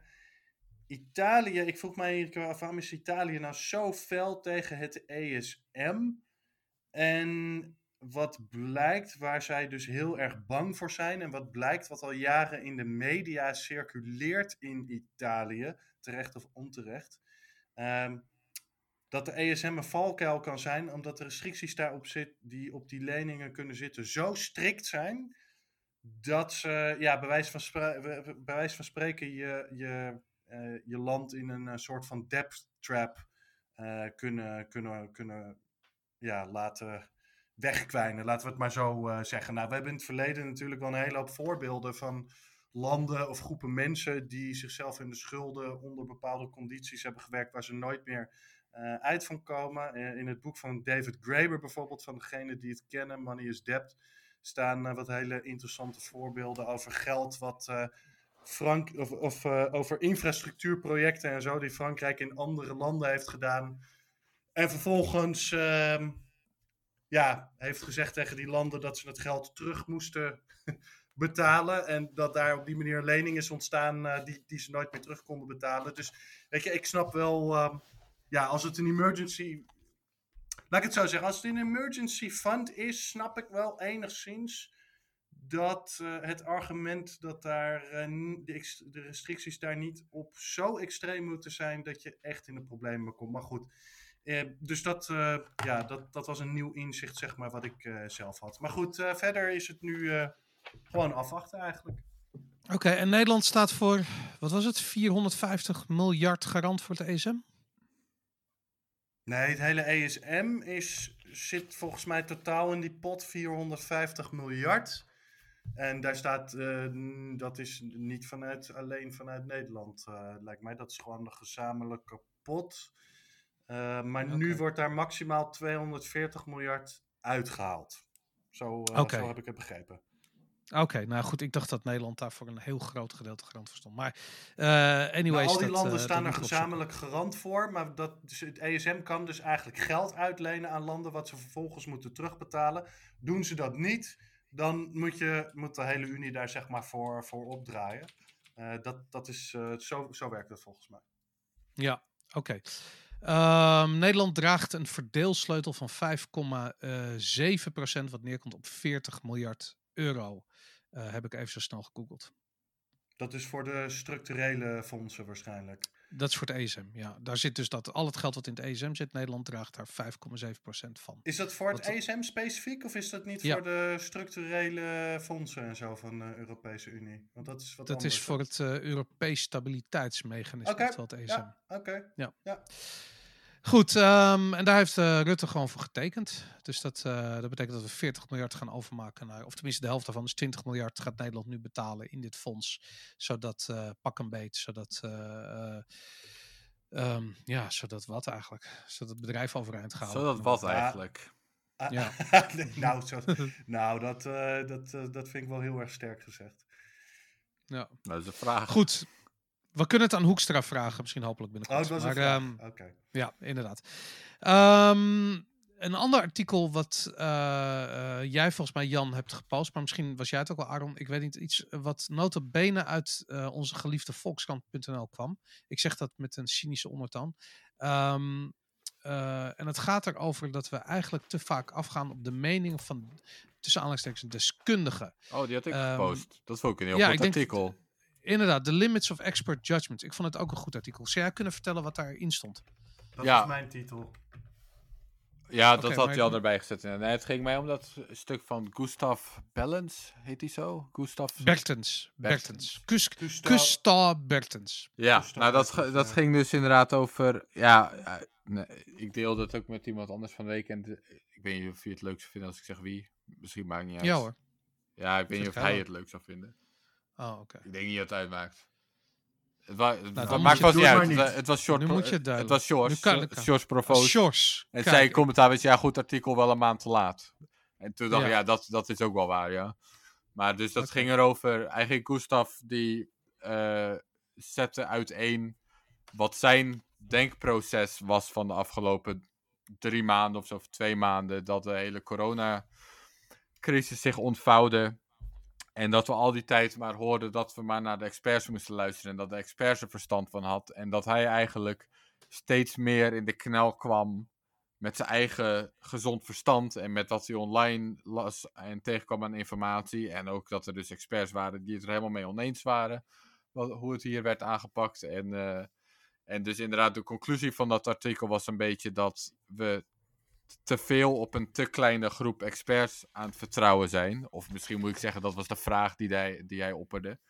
Omdat, er, eh, omdat dit veel meer een multidisciplinary oplossing vergt. Er zijn ook geschiedkundigen die allemaal dingen weten die misschien virologen niet weten, die hier relevant kunnen zijn. En er zijn statistici die allemaal inzichten hebben die virologen niet hebben. En er zijn eh, nou en zo voor, eh, weet je wel, informatie, programmeurs die eh, kunnen meedenken met apps die eh, dokters niet weten. Dus dat ze nu veel te veel op een te kleine groep quote-unquote experts aan het vertrouwen zijn, haast blind. Van nou, ze, we, luisteren maar naar wat zij zeggen en dat doen we dan maar. En nou ja, hij eindelijk zou je kunnen zeggen, maar wel een goed artikel. Dus zette daar dus vraagtekens bij van, is dat wel zo handig dat we dat allemaal aan het doen zijn? Nou ja, dat was, eh, ik was daar helemaal mee eens in ieder geval. Ik kon het Ja. alleen maar heel erg met, met eh, Gustav eens zijn. Ja, ben ik het ook. eh, ik vind het ook fantastisch. En ik vind het, wat ik er ook goed aan vind, is dat hij zelf in het artikel zegt dat hij over het algemeen een heel groot vertrouwen heeft eh, in wetenschap. Ehm, en wat ik zo interessant vind, is dat wetenschappers altijd als eerste zeggen van je moet niet vertrouwen hebben in wetenschap. Je moet je vraagtekens zetten bij wetenschap, want anders is het geen wetenschap. En dat, ehm, eh, dat vind ik extreem belangrijk. Weet je, ik vind niet dat je kunt zeggen van eh, dit is de waarheid. Dat weet je nooit. Context kan altijd veranderen. En nu, ja, wat er nu gebeurt, ik, ik, ik weet niet. Ik heb gewoon het gevoel dat we nog altijd in een soort van rare parallel universum zitten. Waarin dingen gebeuren die ik nooit voor mogelijk had gehouden. Eh, en met name de paniek die is ontstaan. En vooral het door elkaar heen schreeuwen van mensen die eigenlijk niks kunnen weten. Er is geen onderzoek nog eh, wat eh, enigszins eh, getest is, gepeer-reviewed is, wat echt ons betrouwbare data geeft over Ja, maar, hoe het nou precies in elkaar zit. maar daar hadden we het vorige week ook over. En ik wil dus niet te veel in herhaling vallen. Maar ook met Mhm. incomplete informatie kan je goede beslissingen maken. Alleen het is een andere manier van benaderen. Dus een van de redenen dat dit, dat ik, hoe moet ik dit eens zeggen? In poker bijvoorbeeld, Mhm. dan heb je incomplete informatie. Ik heb vroeger gepokerd, heb ik vast vaker eh, genoemd. Mhm. ehm, met poker heb je incomplete informatie en toch moet je beslissingen maken. Dus de incomplete informatie is bijvoorbeeld, je weet niet wat voor hand je tegenstander heeft. Je weet niet welke kaart er op tafel komt te liggen straks. et. Maar je hebt wel wat informatie. Dus je hebt bijvoorbeeld de informatie van, nou, hoe heeft je tegenstander tot nu toe gespeeld? Mhm. Hoe, eh, wat zijn jouw kaarten? Je hebt, je hebt dat soort dingen. Oké, nou, een matige pokerspeler, die zou misschien, die denkt, mensen die niet zo goed kunnen pokeren, die denken vaak, als ze pro's zien pokeren of zo, dat wat je moet doen, is raden welke hand je tegenstander heeft. Dus eh, hè, je denkt van, ah, hij heeft eh aaskoning of zo. Dat is, dat, is hoe je het aan, dat is hoe je je tegenstander verslaat. Maar dat is dus niet hoe pro's echt denken. Pro's denken in de zin van, oké, wat zijn alle mogelijke handen die mijn tegenstander kan hebben? Op basis van hoe je tot nu toe gespeeld. Dan kan je dan een soort van kans berekenen. Van nou, zo grote kans dat hij aas koning heeft. Zo grote kans dat hij pocket 4 heeft. En hoeveel vieren zitten er nog in dekken. Dus je gaat niet uit, je, je gaat niet uit van wat is het meest waarschijnlijk. Je pinpoint niet op. Ik denk dat hij dat specifiek heeft. Maar je gaat uit van een range. Het. Dus je, gaat, je kijkt naar de range van, oké, dit zijn alle opties. En op basis van een range, je speelt tegen de range van je tegenstander. Je speelt niet tegen de hand van je tegenstander, maar tegen de range van je tegenstander. En ik denk dat dat die soort, dat is een soort van manier van denken waarmee je dus met incomplete informatie om moet gaan. En dat is, is mijn vermoeden als buitenstaander vanuit, hè, vanuit mijn kamertje ver van Den Haag, waar ze allemaal dit soort beleidje aan maken zijn. Denk ik dat dit het deel is wat ze niet goed in, in ogen hebben genomen. Dat je uit moet gaan niet van wat, is, wat zijn de meest waarschijnlijke uh, properties van dit virus, maar wat is de range van mogelijkheden en daar moeten we beleid op maken. En ik denk dat als je dat doet, dat je tot een heel ander beleid komt. Dit is de manier van denken met de long-tail-achtige dingen. Dit is de manier van denken van een Taleb. Dus die denkt, nou oké, wat is de... Ook al gebruikt hij die termen niet, want hij is geen pokeraar. Maar het is die, die manier van denken van, oké, wat is de range van hoe, hoe schadelijk kan het virus zijn? Daar beleid op maken. En, en ik denk dat je dan dus tot de conclusie komt dat je veel beter het zeker voor het onzekere kan nemen. Ja, maar goed, dat, dat wordt eigenlijk in dit artikel dus ook een beetje onderschreven, omdat het... Uh, um, ja, dat er inderdaad een soort dat, dat wetenschappers op dit ogenblik niet meer kunnen doen dan een range van mogelijkheden aangeven. Ik vind dat het artikel nog wel wat mist. Wat er zijn. Uh, kijk, het, het punt dat uh, diversiteit aan uh, expertise, uh, prima. Kijk, als je een, als je een brug bouwt, dan zul je inderdaad een meer beperkte hoeveelheid van kennis nodig hebben dan hè, dit soort algemene vragen over gezondheidszorg. Ik bedoel, dan heb je het over epidemiologen, je hebt het over. Um, er komen ethische vraagstukken bij te kijken, crisismanagement vraagstukken, communicatievraagstukken. Uh, dus weet je, er is, is van alles. Maar er zijn nog wel een paar dingen die het. Daar ben ik het op zich wel mee eens. Maar er zijn nog wel een hele hoop dingen die je daar kunt toevoegen. Dus het eerste wat ik merk is: het gaat niet alleen om diversiteit en experts. Het gaat ook om mensen die experts zijn, om de meningen van experts te kunnen analyseren en bij elkaar te brengen. Uh, dus er wordt in literatuur vaak een onderscheid gemaakt tussen foxes en hedgehogs. Foxes zijn mensen die juist generalisten zijn en heel veel verschillende informatie bij elkaar kunnen brengen. En hedgehogs zijn mensen die vaak één ding goed kunnen. En één ding wat je zeker in een vraagstuk als uh, deze uh, niet moet hebben, uh, zijn alleen maar hedgehogs die proberen alle antwoorden te geven. Dus je hebt juist mensen die uh, zeg maar dat, dat, integratie, dat integratie van al die verschillende gedachtegoeden bij elkaar kunnen brengen. Dus dat was iets wat ik miste. Het tweede wat ik eigenlijk mis, miste is, ja, weet je, er, zijn, er is waarschijnlijk een hele hoop diversiteit aan kennis die relevant is voor vraagstukken zoals deze. Ook omdat met vraagstukken zoals deze lokale kennis vaak heel belangrijk is. Maar hoe breng je die bij elkaar? En hoe breng je die bij elkaar voor beslissingen? Dus moet je dat met een. Kijk, je kan niet met 5000 mensen in een zaal gaan zitten. Dat, dat werkt gewoon niet. Dus hoe, hoe breng je dat bij elkaar? Nou, misschien dat je dat met software leuke dingen kan doen of, uh, of wat dan ook. Maar goed, dat waren twee dingen. Ja, ik weet niet, misschien niet ja, kritiek. Uh, dingen die ik, uh, die ik zelf uh, miste. Misschien het laatste, derde wat ik ook nog had. Is dat. Um, weet je, we hebben, er is de laatste tijd veel geklaag over het feit dat. ja, weet je, de mensen op Facebook dan gaan zitten. die opeens denken dat ze alles weten over een virus. waar ze twee dagen naar hebben gekeken en van alles gaan schreeuwen. En dat is ook wel zo. Aan de andere kant, ik, ik vind die maatschappelijke discussie ook enorm belangrijk uh, hierover. Ook al opereer je daar misschien niet als uh, perfecte uh, expert in. Hè? Ik weet ongetwijfeld veel minder van virussen dan, hoe heet hij nou ook weer? Jeroen, hoe heet hij nou? Dissel? van Dissel. Van Dissel. Maar zeker uit de optiek 1, omdat er gewoon lokale kennis aanwezig is die zij centraal ook niet, niet zullen hebben. Dus, de, dus dat is belangrijk. Maar ook vanuit het feit dat als je in een vrije samenleving dit soort probleemstukken wil aanpakken, dan heb je dat maatschappelijke debat nodig. Want je hebt, zeg maar, je, mensen moeten gaan internaliseren uh, hoe ze erop moeten gaan reageren. En je hebt mensen nodig die daarachter staan. Sterker nog, ik denk dat als je een optie A hebt waar bijna niemand achter staat, en een optie B waar iedereen hem goed van begrijpt en er wel achter staat, dat je beter optie B kan doen dan optie A. Ook al is in theorie optie A misschien beter. Goed, dat, is, niet, uh, dat is gewoon wat aanvullingen op wat. Uh, even, ik ben de naam weer kwijt, maar op deze persoon. Gustav. Ja, ik, ik ben het helemaal mee eens. De, uh, juist met zoiets heb je een publiek debat nodig. Dat heb ik van het begin gezegd. Dat is extreem belangrijk.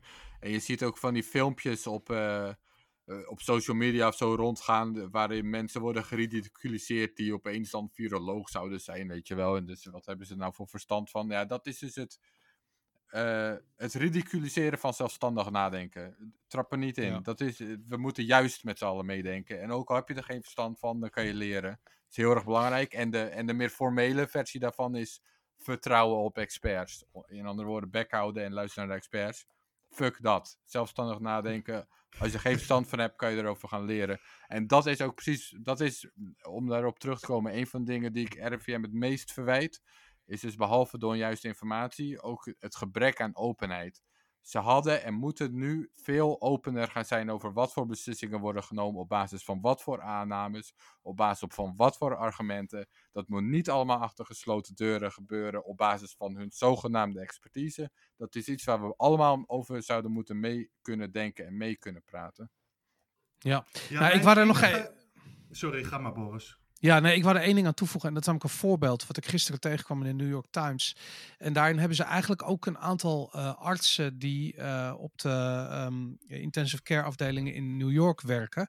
Uh, waar het behoorlijk los aan het gaan is. Gevraagd van wat zou je anders doen als je nu bij wijze van spreken twee, drie weken terug in de tijd kwam. En daar hebben wij vorige week, ik heb best wel wat kritiek gehad op wat ik vorige week zei over die, uh, wat ze doen met die beademingsapparatuur. En dus eigenlijk dat dat een vrij schadelijke behandeling is. En dat het uh, ja, maar een relatief klein percentage uh, die intensive care overleeft. En dat heeft te maken met de, de, de gevolgen van lang aan de beademing liggen. En die, dat is wel interessant, die arts Dr. Nail Semalovic, Um, die werkt in het Lincoln Medical Center in de Bronx. Die zegt uh, dat uh, ze daar in eerste instantie mensen heel snel aan de beademing legden. Zodra ze eigenlijk zagen dat die saturatie in het bloed, de zuurstof in het bloed, beneden een bepaald pijl zakte.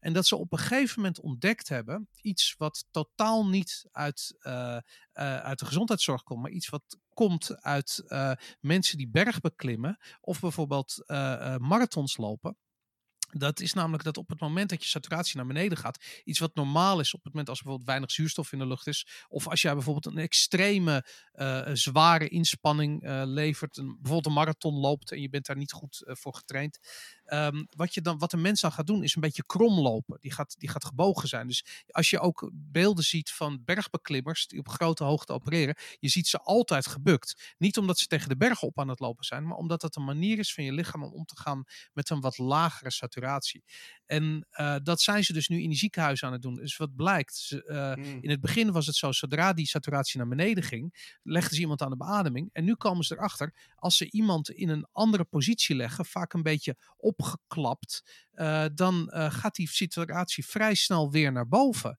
En heeft, heeft dus een een, een, groot gedeelte van de mensen die daar liggen niet direct die beademing nodig. Nou, dat soort kennis uit de praktijk, dat komt dus helemaal niet uit de gezondheidszorg. Dat komt uit iets heel anders. Maar dat komt dan samen in zo'n crisissituatie en dat redt gewoon levens. En daarom heb ik zoiets van ja, als je ervan uitgaat dat je alle kennis in pacht hebt, doordat je medicijnen gestudeerd hebt, dan wat de artsen overigens niet doen hoor. Ik bedoel, dat, dat is gewoon uh, meer de, de kritiek erop. Maar uh, uh, dan sta, sluit je misschien wel af voor dat uh, essentiële beetje kennis, wat misschien wel uit een andere richting komt. En dat vind ik, vond ik aan het artikel zo mooi en Zeker. eigenlijk een beetje onderstrepen wat hier gebeurt. Zeker. En maar ik wil, als heel... je daar terug, toch op terugkomt, Boris, dan wil ik daar ook nog wel even op terugkomen. Want ik kreeg ook wel berichten van ook iemand die op een intensive care werkt. En die zegt dat er echt wel iets van 70% weer uitkomt. Dus dat was niet zo laag als dat jij zei vorige week. Het is zo en, raar. En ik, heb daar, ik heb daar ik heb daar meerdere dingen over gehoord. En dat, uh, um, uh, laat ik zo zeggen, niet iedereen op de intensive care ligt aan de beademing. En uh, het gaat echt met name om op het moment dat je geïntubeerd wordt. En je kunt ook aan de beademing liggen door gewoon een mondkapje te hebben. Dat, dat, dan heb je ook dat te maken met die druk op je longen. Maar niet met het risico van extra infecties die misschien met die buisjes mee kunnen komen. Dus volgens mij gaat het specifiek om de intubatie en het risico wat daarbij komt kijken. En op het moment als je dus dat inderdaad meemaakt, ja, dat, dus dat je dus voor een lange periode geïntubeerd bent, kunstmatig in coma wordt gehouden, ja, daar zitten gewoon grote risico's aan. En, en ook al kom je eruit, dan heb je waarschijnlijk nog te maken met, met, met de revalidatie van misschien wel een jaar. Uh, dus dat is gewoon een hele zware ingreep. Dat, dat zou kunnen, maar dus voor de 80% van de mensen die naar de intensive... Ik heb het net even opgezocht. 80% van de mensen die naar intensive care gaan komen eruit. Oké, okay, maar, maar is dat naar de intensive care wil niet per definitie zeggen dat je ook aan de intubatie gaat? Uh, nou, volgens mij is dat wel waar dit cijfer op is gebaseerd. Maar dat uh, moet ik dan nazoeken. Nou goed, dat zijn van die dingen. Dat zullen maar ik bedoel, Boris Johnson lag op de intensive care, maar heeft niet aan de beademing gelegen. Uh, ja, dus dat, dat maar goed, oké, okay, dit zijn van die. Ja. Dat zijn van die dingen. Daar, daar, ik, daar moeten we later misschien. Ik, ik ja? had nog één punt daarover ook. Um, als, ja, nog twee punten eigenlijk. Want ik had er eentje wat jij zei en een beetje wat Aaron zei. Um, uh, iets wat ik nog aan kaart, feedbackmechanismen in dit soort uh, omstandigheden met heel veel onzekerheden zijn ook enorm belangrijk. Dus dat je mhm. feedback uh, kunt, kunt ja, verwerken en, en krijgen vanuit verschillende lokale plekken. en daar ook wat mee kunt doen in je beleid. Dat kan heel erg lastig zijn, omdat het natuurlijk heel erg chaotisch is, maar dat is wel heel erg belangrijk. Ik moet zeggen, dat is één. En ik heb ook wel kritiek op ja, sommige van de dingen die ik heb gezien, dat is natuurlijk makkelijk vanuit mijn uh, bureau hier. Maar goed, uh, een van de dingen die mij opviel, waar ik wel redelijk uh, positief over ben, is dat ik het gevoel had dat ons kabinet redelijk welwillend was om iedere keer de koers bij te sturen als er nieuwe informatie binnenkwam. Misschien niet helemaal in het begin, maar op een gegeven moment, op een gegeven moment wel. Um, maar dan ben je dus goed, te laat. Nee, nou, klopt. Ja, oké. Okay, hetzelfde dus... onderwerp. Uh, dan moeten, we moeten niet in herhaling vallen. Laten we dat nou, bewaren voor volgende week, wanneer we het ook gaan hebben over de app. We hebben het nu niet gehad over de, de app, want dat, ja, daar moeten we het ook nog even over hebben. Ja, maar ik heb nog één punt hierover. Want, okay. uh, even, want dit was een uh, belangrijk onderwerp. Ik het, denk ik, heel erg slaat op Bitcoin. Hè? Want ik bedoel, als je ja. ja, als je in, in Bitcoin, van Bitcoin overtuigd bent, dan trek je toch ook een hele hoop uh, experts in, uh, in, in twijfel. Uh, want je denkt toch vaak anders over hoe de wereld werkt dan. zeker als je hoe standaard economen denken over, over geld en dat soort zaken. En ik denk dat je ik denk dat het een hele lastige vraag is van hoe moet je met de meningen experts van experts omgaan. Wat je zeker niet moet doen, zoals Aaron al zei en ik al zei en Bos al zei. Kijk, het blind luisteren naar experts is geen optie. Uh, er staan uh, duizend, duizenden boeken over duizenden jaren uh, vol over wat er misgaat als groepen mensen gewoon enkel luisteren naar de meningen van experts. Aan de andere kant heb je natuurlijk wel experts vaak nodig en kunnen experts je bepaalde kennis en inzichten geven die je natuurlijk zelf niet hebt. Als ik een hartaanval heb gehad, dan ga ik niet bij mijn buurman aankloppen die in een fabriek ergens werkt om mij even te helpen. Dan ga ik naar het ziekenhuis. Um, dus daar ergens moet je in een, uh, in een balans vinden. En ja, gewoon als algemene observatie, want dat was het laatste wat ik eigenlijk wil toevoegen. Ik merk dat mensen te veel neigen naar één extreem. Van of je moet luisteren of je moet niet luisteren. En dat zie je ook een beetje op, uh, op, op Facebook en zo. En dan zijn dat natuurlijk vaak de meest extreme mensen die op dat soort media dingen gaan posten. Maar weet je, je kunt ook ergens tussenin. En er zijn niet bepaalde regels voor of zo. Het, bedoel, het is niet van nou, in deze situatie wel, in deze situatie niet. Dat als ik, als, ja, als ik daar de regels voor had, dan had ik waarschijnlijk al een Nobelprijs uh, gewonnen of zo. Maar ja, dat, dat heb ik niet. Maar uh, er is in ieder geval een soort van balans. En je merkt vaak dat zeker op Facebook-posts en zo, je gewoon hele extreme uh, ja, mensen naar boven ziet komen. Dus dat wou ik er nog even aan toevoegen. Okay. ik, ik, heb dat, volgens mij was dat in de laatste aflevering dat we nog in de studio zaten, had ik dat ook gezegd. Hè? Dus dat de 2008-crisis was eigenlijk een aanval op de autoriteit van de economische experts. En ik, ik dacht dat dit wel eens de aanval op de autoriteit van dit soort experts zou kunnen zijn. Nou ja, dat, dat, is ook een beetje waar dit artikel, ja, dat verwoordt dat een beetje, zeg maar. Van, van moeten, we, moeten we wel zo blind op al die experts vertrouwen? Maar jouw anekdote met, het met de meisjes die uh, onder je raam stonden en dat gesprek hadden, is eigenlijk ook dat. Wat je gewoon ziet, is vragen stellen over geld, is vragen stellen over autoriteit. Omdat het allemaal vanuit een centrale uh, uh, ja, entiteit gecreëerd wordt, slash geregeld wordt, slash ook verkocht wordt aan ons. En um, wat, wat uit die, waar we het aan het begin over hadden, dat het, de enige grens aan geldcreatie is het vertrouwen wat mensen hebben in de autoriteit van de partij die geld creëert, of dat geld zelf.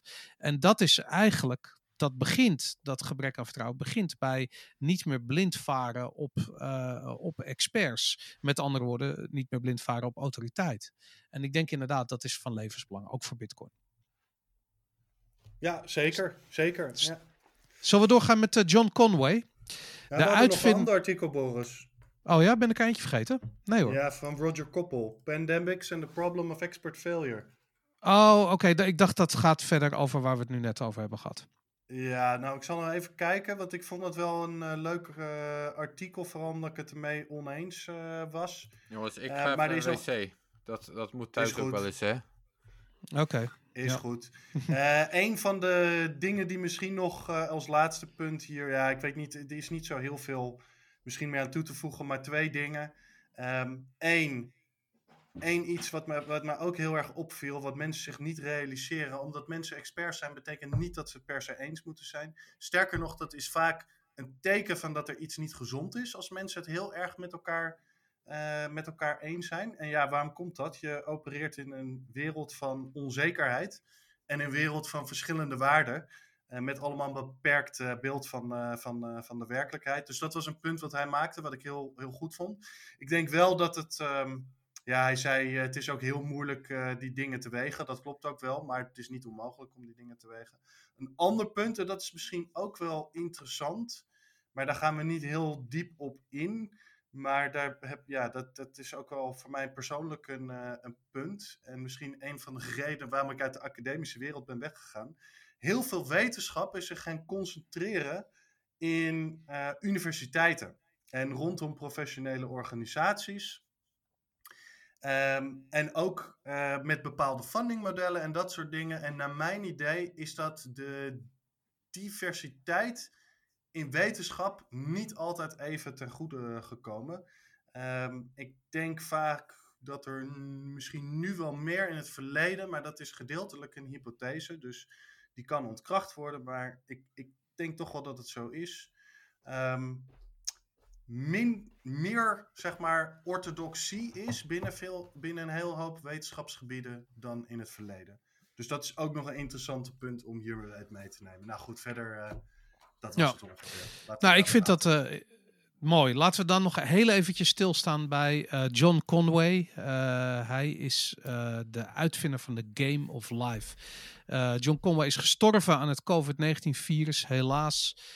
maar hij heeft met een eigenlijk een vrij simpel spelletje aangetoond dat het mogelijk is om complexiteit te creëren vanuit eenvoud. En um, ik, ik, ik moet je zeggen, ik vond het heel tof dat je dit erin hebt gezet. Dat heb jij gedaan, toch? Of heeft Aaron dat erin gezet? Ik heb het erin gezet. Ah, oké, oké. Hij is 82 jaar oud geworden. En ik ben voor het eerst met hem in aanraking gekomen. Omdat ik gefascineerd was door de, um, uh, door de simulatietheorie.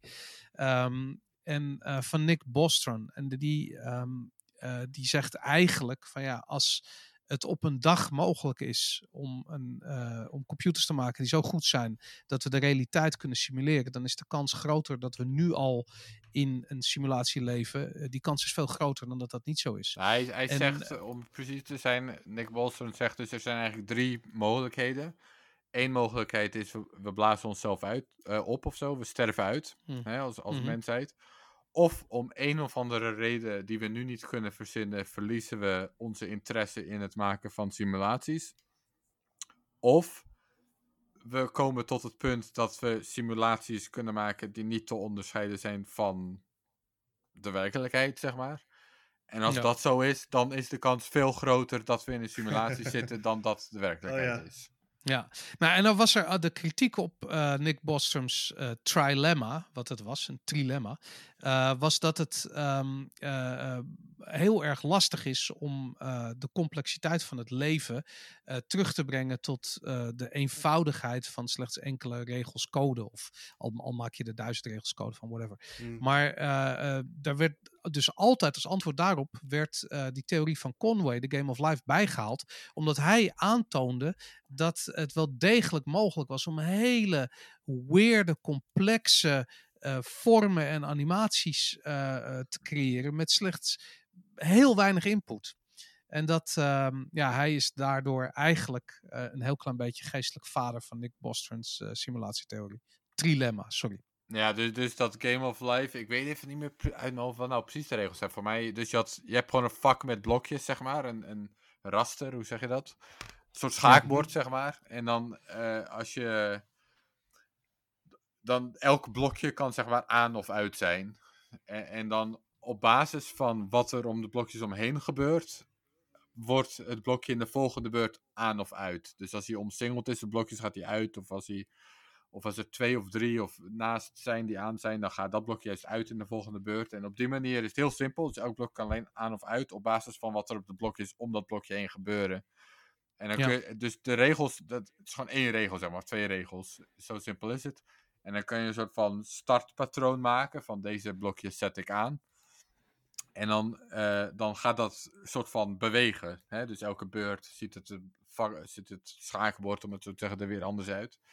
En je kunt daar dus ja, echt mallen, dat, dat je haast soort van dieren kunt zien die andere dieren aan het opeten zijn, of machines die iets aan het produceren zijn, of volgens mij was er zelfs een hele Turing-machine in zo'n ding uh, te ontstaan op een gegeven moment. En, dus dat is best wel vet om je daar eens uh, een ja, uurtje in te verdiepen of zo, zeg maar. Als je, als je thuis zit, uh, opgesloten in je huis en uh, je denkt, ik wil eens, ik heb hier nog nooit van gehoord, ga daar eens naar googlen. Dat is best wel cool om allemaal te zien. Ja, het is echt wel tof, inderdaad.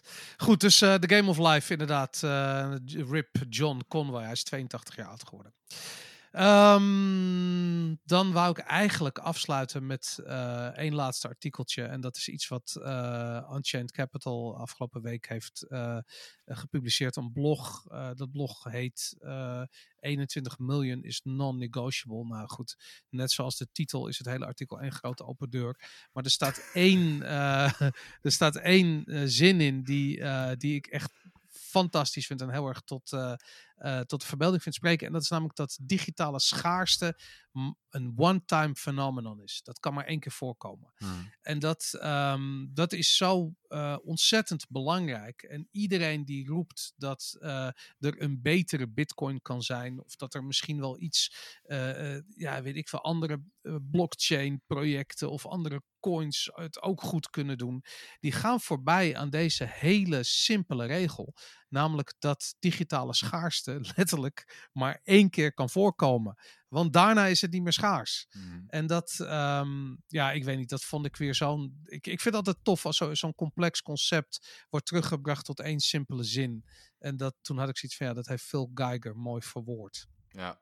Ja, ik weet niet of je de. Heb ik dat wel eens in een podcast ter sprake gebracht? De Zero One Many Theory?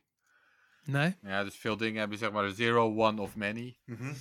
Uh, dat zijn soort van de drie meest logische aantallen ik weet, ik weet niet precies waar het vandaan komt, maar dus dat, dat je, kun je hier ook een beetje zien. Dus of er, kan, of er zijn nul bitcoins, of er is nul digitale schaarste. Nou, dat kan natuurlijk, dan bestaat digitale schaarste niet. Of er is er één, en dat is dan bitcoin.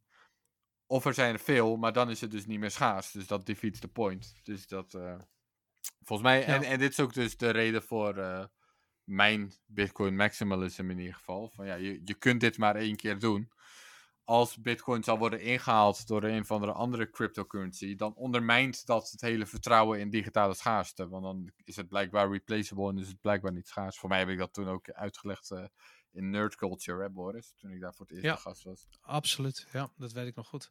En dat, dat betekent ook dat andere projecten, en ik bedoel de, dat, dat de, uh, weet je, alle shitcoins, dat we die uh, aan de kant kunnen schuiven, dat, dat zijn we met z'n allen al lang eens. Maar we gaan nu natuurlijk naar een, naar een periode waarin we de uh, centrale banken nog een keer dit grapje zien uithalen. Ehm, die gaan zo meteen zeggen dat ze een, uh, ja, cryptocurrencies kunnen maken of iets, iets van die orde of iets van digitale schaarste gaan toepassen. Whatever. het zijn leugens. Digitale schaarste is een one-time phenomenon. en het kan alleen maar in Bitcoin bestaan en anders bestaat het niet. En dat is, ja. ja. Nou, oké, dat vind ik wel heel erg, heel erg harde uitspraak. Ja, ik, ik, ik snap wel wat die bedoelt. waarom is dat harde uitspraak? Dat is toch geen harde uitspraak? Omdat uh, je. Het is geen schaarste anders. Anders is er geen schaarste. Het kan één keer gebeuren, anders is het niet meer schaars. Nee, maar ik zou het niet. Uh, het, is niet. Naar mijn idee is het een verkeerde verwoord. Het is wel iets waar ik het mee eens ben, maar verkeerd verwoord. Dus ook hoe Aaron het net zei, ik ben het met hem eens, alleen ik had het ander verwoord. Het is niet per se dat je digitale schaarste maar één keer kan uitvinden. Het is dat je digitaal goud maar kan één keer kan uitvinden. En daar zit voor mijn gevoel wel een verschil in. Dus bedoel, ik zou. Je kunt natuurlijk in twijfel trekken of Ethereum wel echt schaars. Of Ethereum een slecht voorbeeld. Of Dogecoin bijvoorbeeld. Uh, echt schaars. Nou, ook een slecht voorbeeld, want er zit inflatie bij.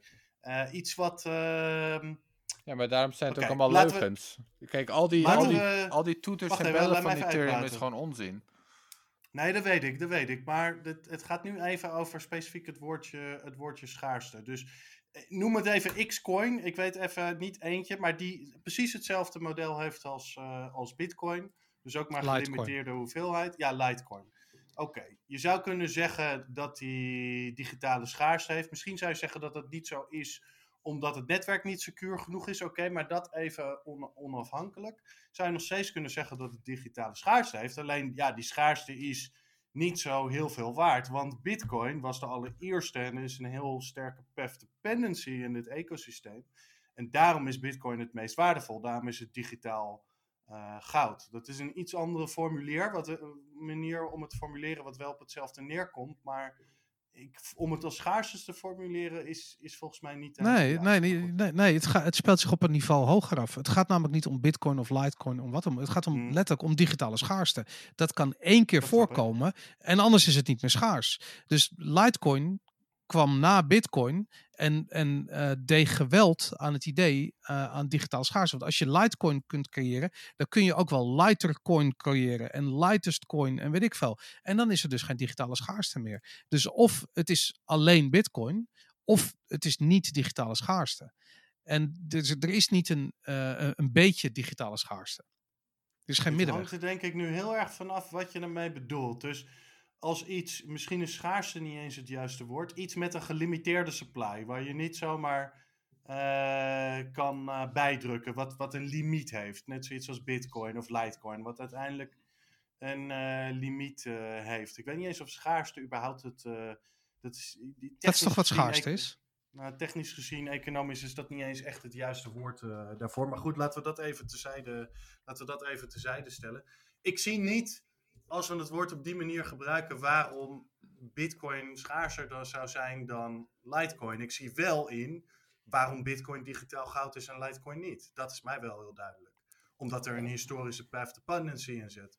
Maar qua nee, zie ik niet de, 1, 2, 3 verschil. De manier waarop ik het Adam Beck een keer heb horen uitleggen, dat is dat de, scha de schaarste is eigenlijk de proof of work.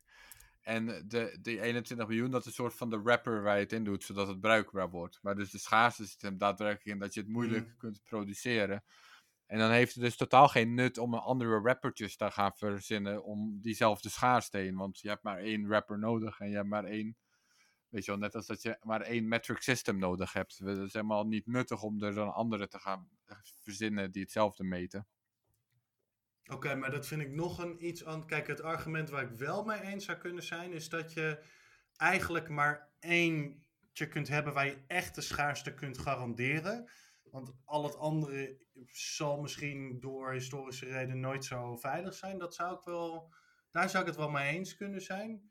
Um, maar het argument, het lijkt op, uh, ja, het lijkt op meters en, en kilometers of, of, dat soort dingen, is, is voor mijn gevoel een ander argument. Maar goed, uh, oké. Nou, de schrijver van het artikel is het tot op zekere hoogte met je eens, uh, omdat hij die ook zegt van op het moment dat er geen schaarste is, heeft het geen zin om het te beveiligen. En dat is eigenlijk waarom je de goed argument, waarom je hmm. eigenlijk in al die andere, bijvoorbeeld in Litecoin was dat een heel mooi voorbeeld, waarom je die hash power ziet wegvallen. omdat het eigenlijk geen uh, omdat het niet schaars is, heeft het geen zin om, het, uh, om er veel geld en moeite in te steken om het te beveiligen. En dat gebeurt dus ook niet. Ja, weet, dat, uh, weet, je wat het wel is met Litecoin, Boris? Kijk, ik zie dit soort dingen ook als soort van memes. Hè? En, en, je hebt inderdaad een beetje mhm. de digital gold meme voor goud. Kijk, ik had eerder gezegd. Wat niet kan, is dat Bitcoin wordt over. Nothing can replace Bitcoin. Want dan ondermijn je het vertrouwen. En het ding met Litecoin is dat het nog iets soort van vriendelijks heeft. Want het soort van beaamt meteen van: oké, we zijn nummer twee. Sowieso, zeg maar. We gaan jullie nooit verplaatsen. We zijn per definitie nummer twee. En daardoor is het zeg maar in de meme-sfeer iets vriendelijker. En, en daarom zie je ook nog dat er wel wat overlap is tussen Bitcoin. Dus die Litecoin nog wel een beetje erbij willen accepteren. En, en jij neemt echt de pure maximalist stance en die heb ik ook wel Ja, het zijn shitcoins. Fuck die rommel allemaal. Ik, ik, ben, Verspilling van tijd. Ik ben het in principe met je. Je vindt het allemaal onnodig. En als je toeters en bellen wil, dan kan dat ook wel via side uh, chains en dat soort dingen. In principe, of vaak zijn die toeters en bellen sowieso niet echt nuttig. En uh, dan, heb je, dan hou je die schaarste intact. Ik denk dat je moet beginnen met hoe gaan we... Prioriteit is, één is schaarste intact houden, want daar gaan ze allemaal op. En dan als je vervolgens, als je er dan iets op kan bouwen, is het mooi. Maar je kunt dus niet uh, die schaarste negeren en dan denken dat je iets tofs kan gaan bouwen. Daarom. En als je Litecoin toestaat, dan kun je de andere 689.000 shitcoins ook wel toestaan. Het is de, het de camel's nose under the tent, zeggen ze. Nou, ik denk dat ik iets minder maximalistisch ben dan je. Ik, ik vind sowieso een heel irritant woord, want ik weet überhaupt niet eens wat het zou moeten betekenen. Want volgens sommige mensen betekent maximalisme ook dat je denkt dat uh, Bitcoin überhaupt de enige currency kan zijn die er op een gegeven moment bestaat. Nou, dat, uh, dat is het voor mij sowieso niet ik, ja, ik ben. Ik kan nog wel uh, argumenten zien voor waarom Bitcoin niet compleet alleen in dit ecosysteem uh, zou functioneren. Sowieso puur alleen om de reden niet dat uh, mensen altijd zullen willen blijven speculeren. Dus sowieso zullen we altijd van, dit soort, van dit soort coins wel, wel blijven bestaan. Om andere redenen misschien, misschien toch ook wel. Bedoel, het argument dat Bitcoin bijvoorbeeld aan het basisprotocol nooit volledige privacy in zou kunnen bouwen. En dat je dat misschien wel kunt doen in.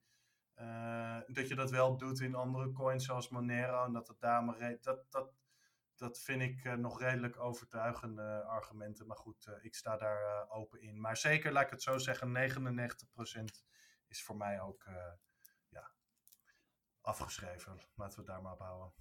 Cool. Mannen, we zijn 1 uur en drie kwartier uh, in deze podcast. Het is wel een keer mooi um, geweest. Het is mooi geweest, jongens. Het is tijd om op stop recording te drukken en, uh, en de boel te uploaden.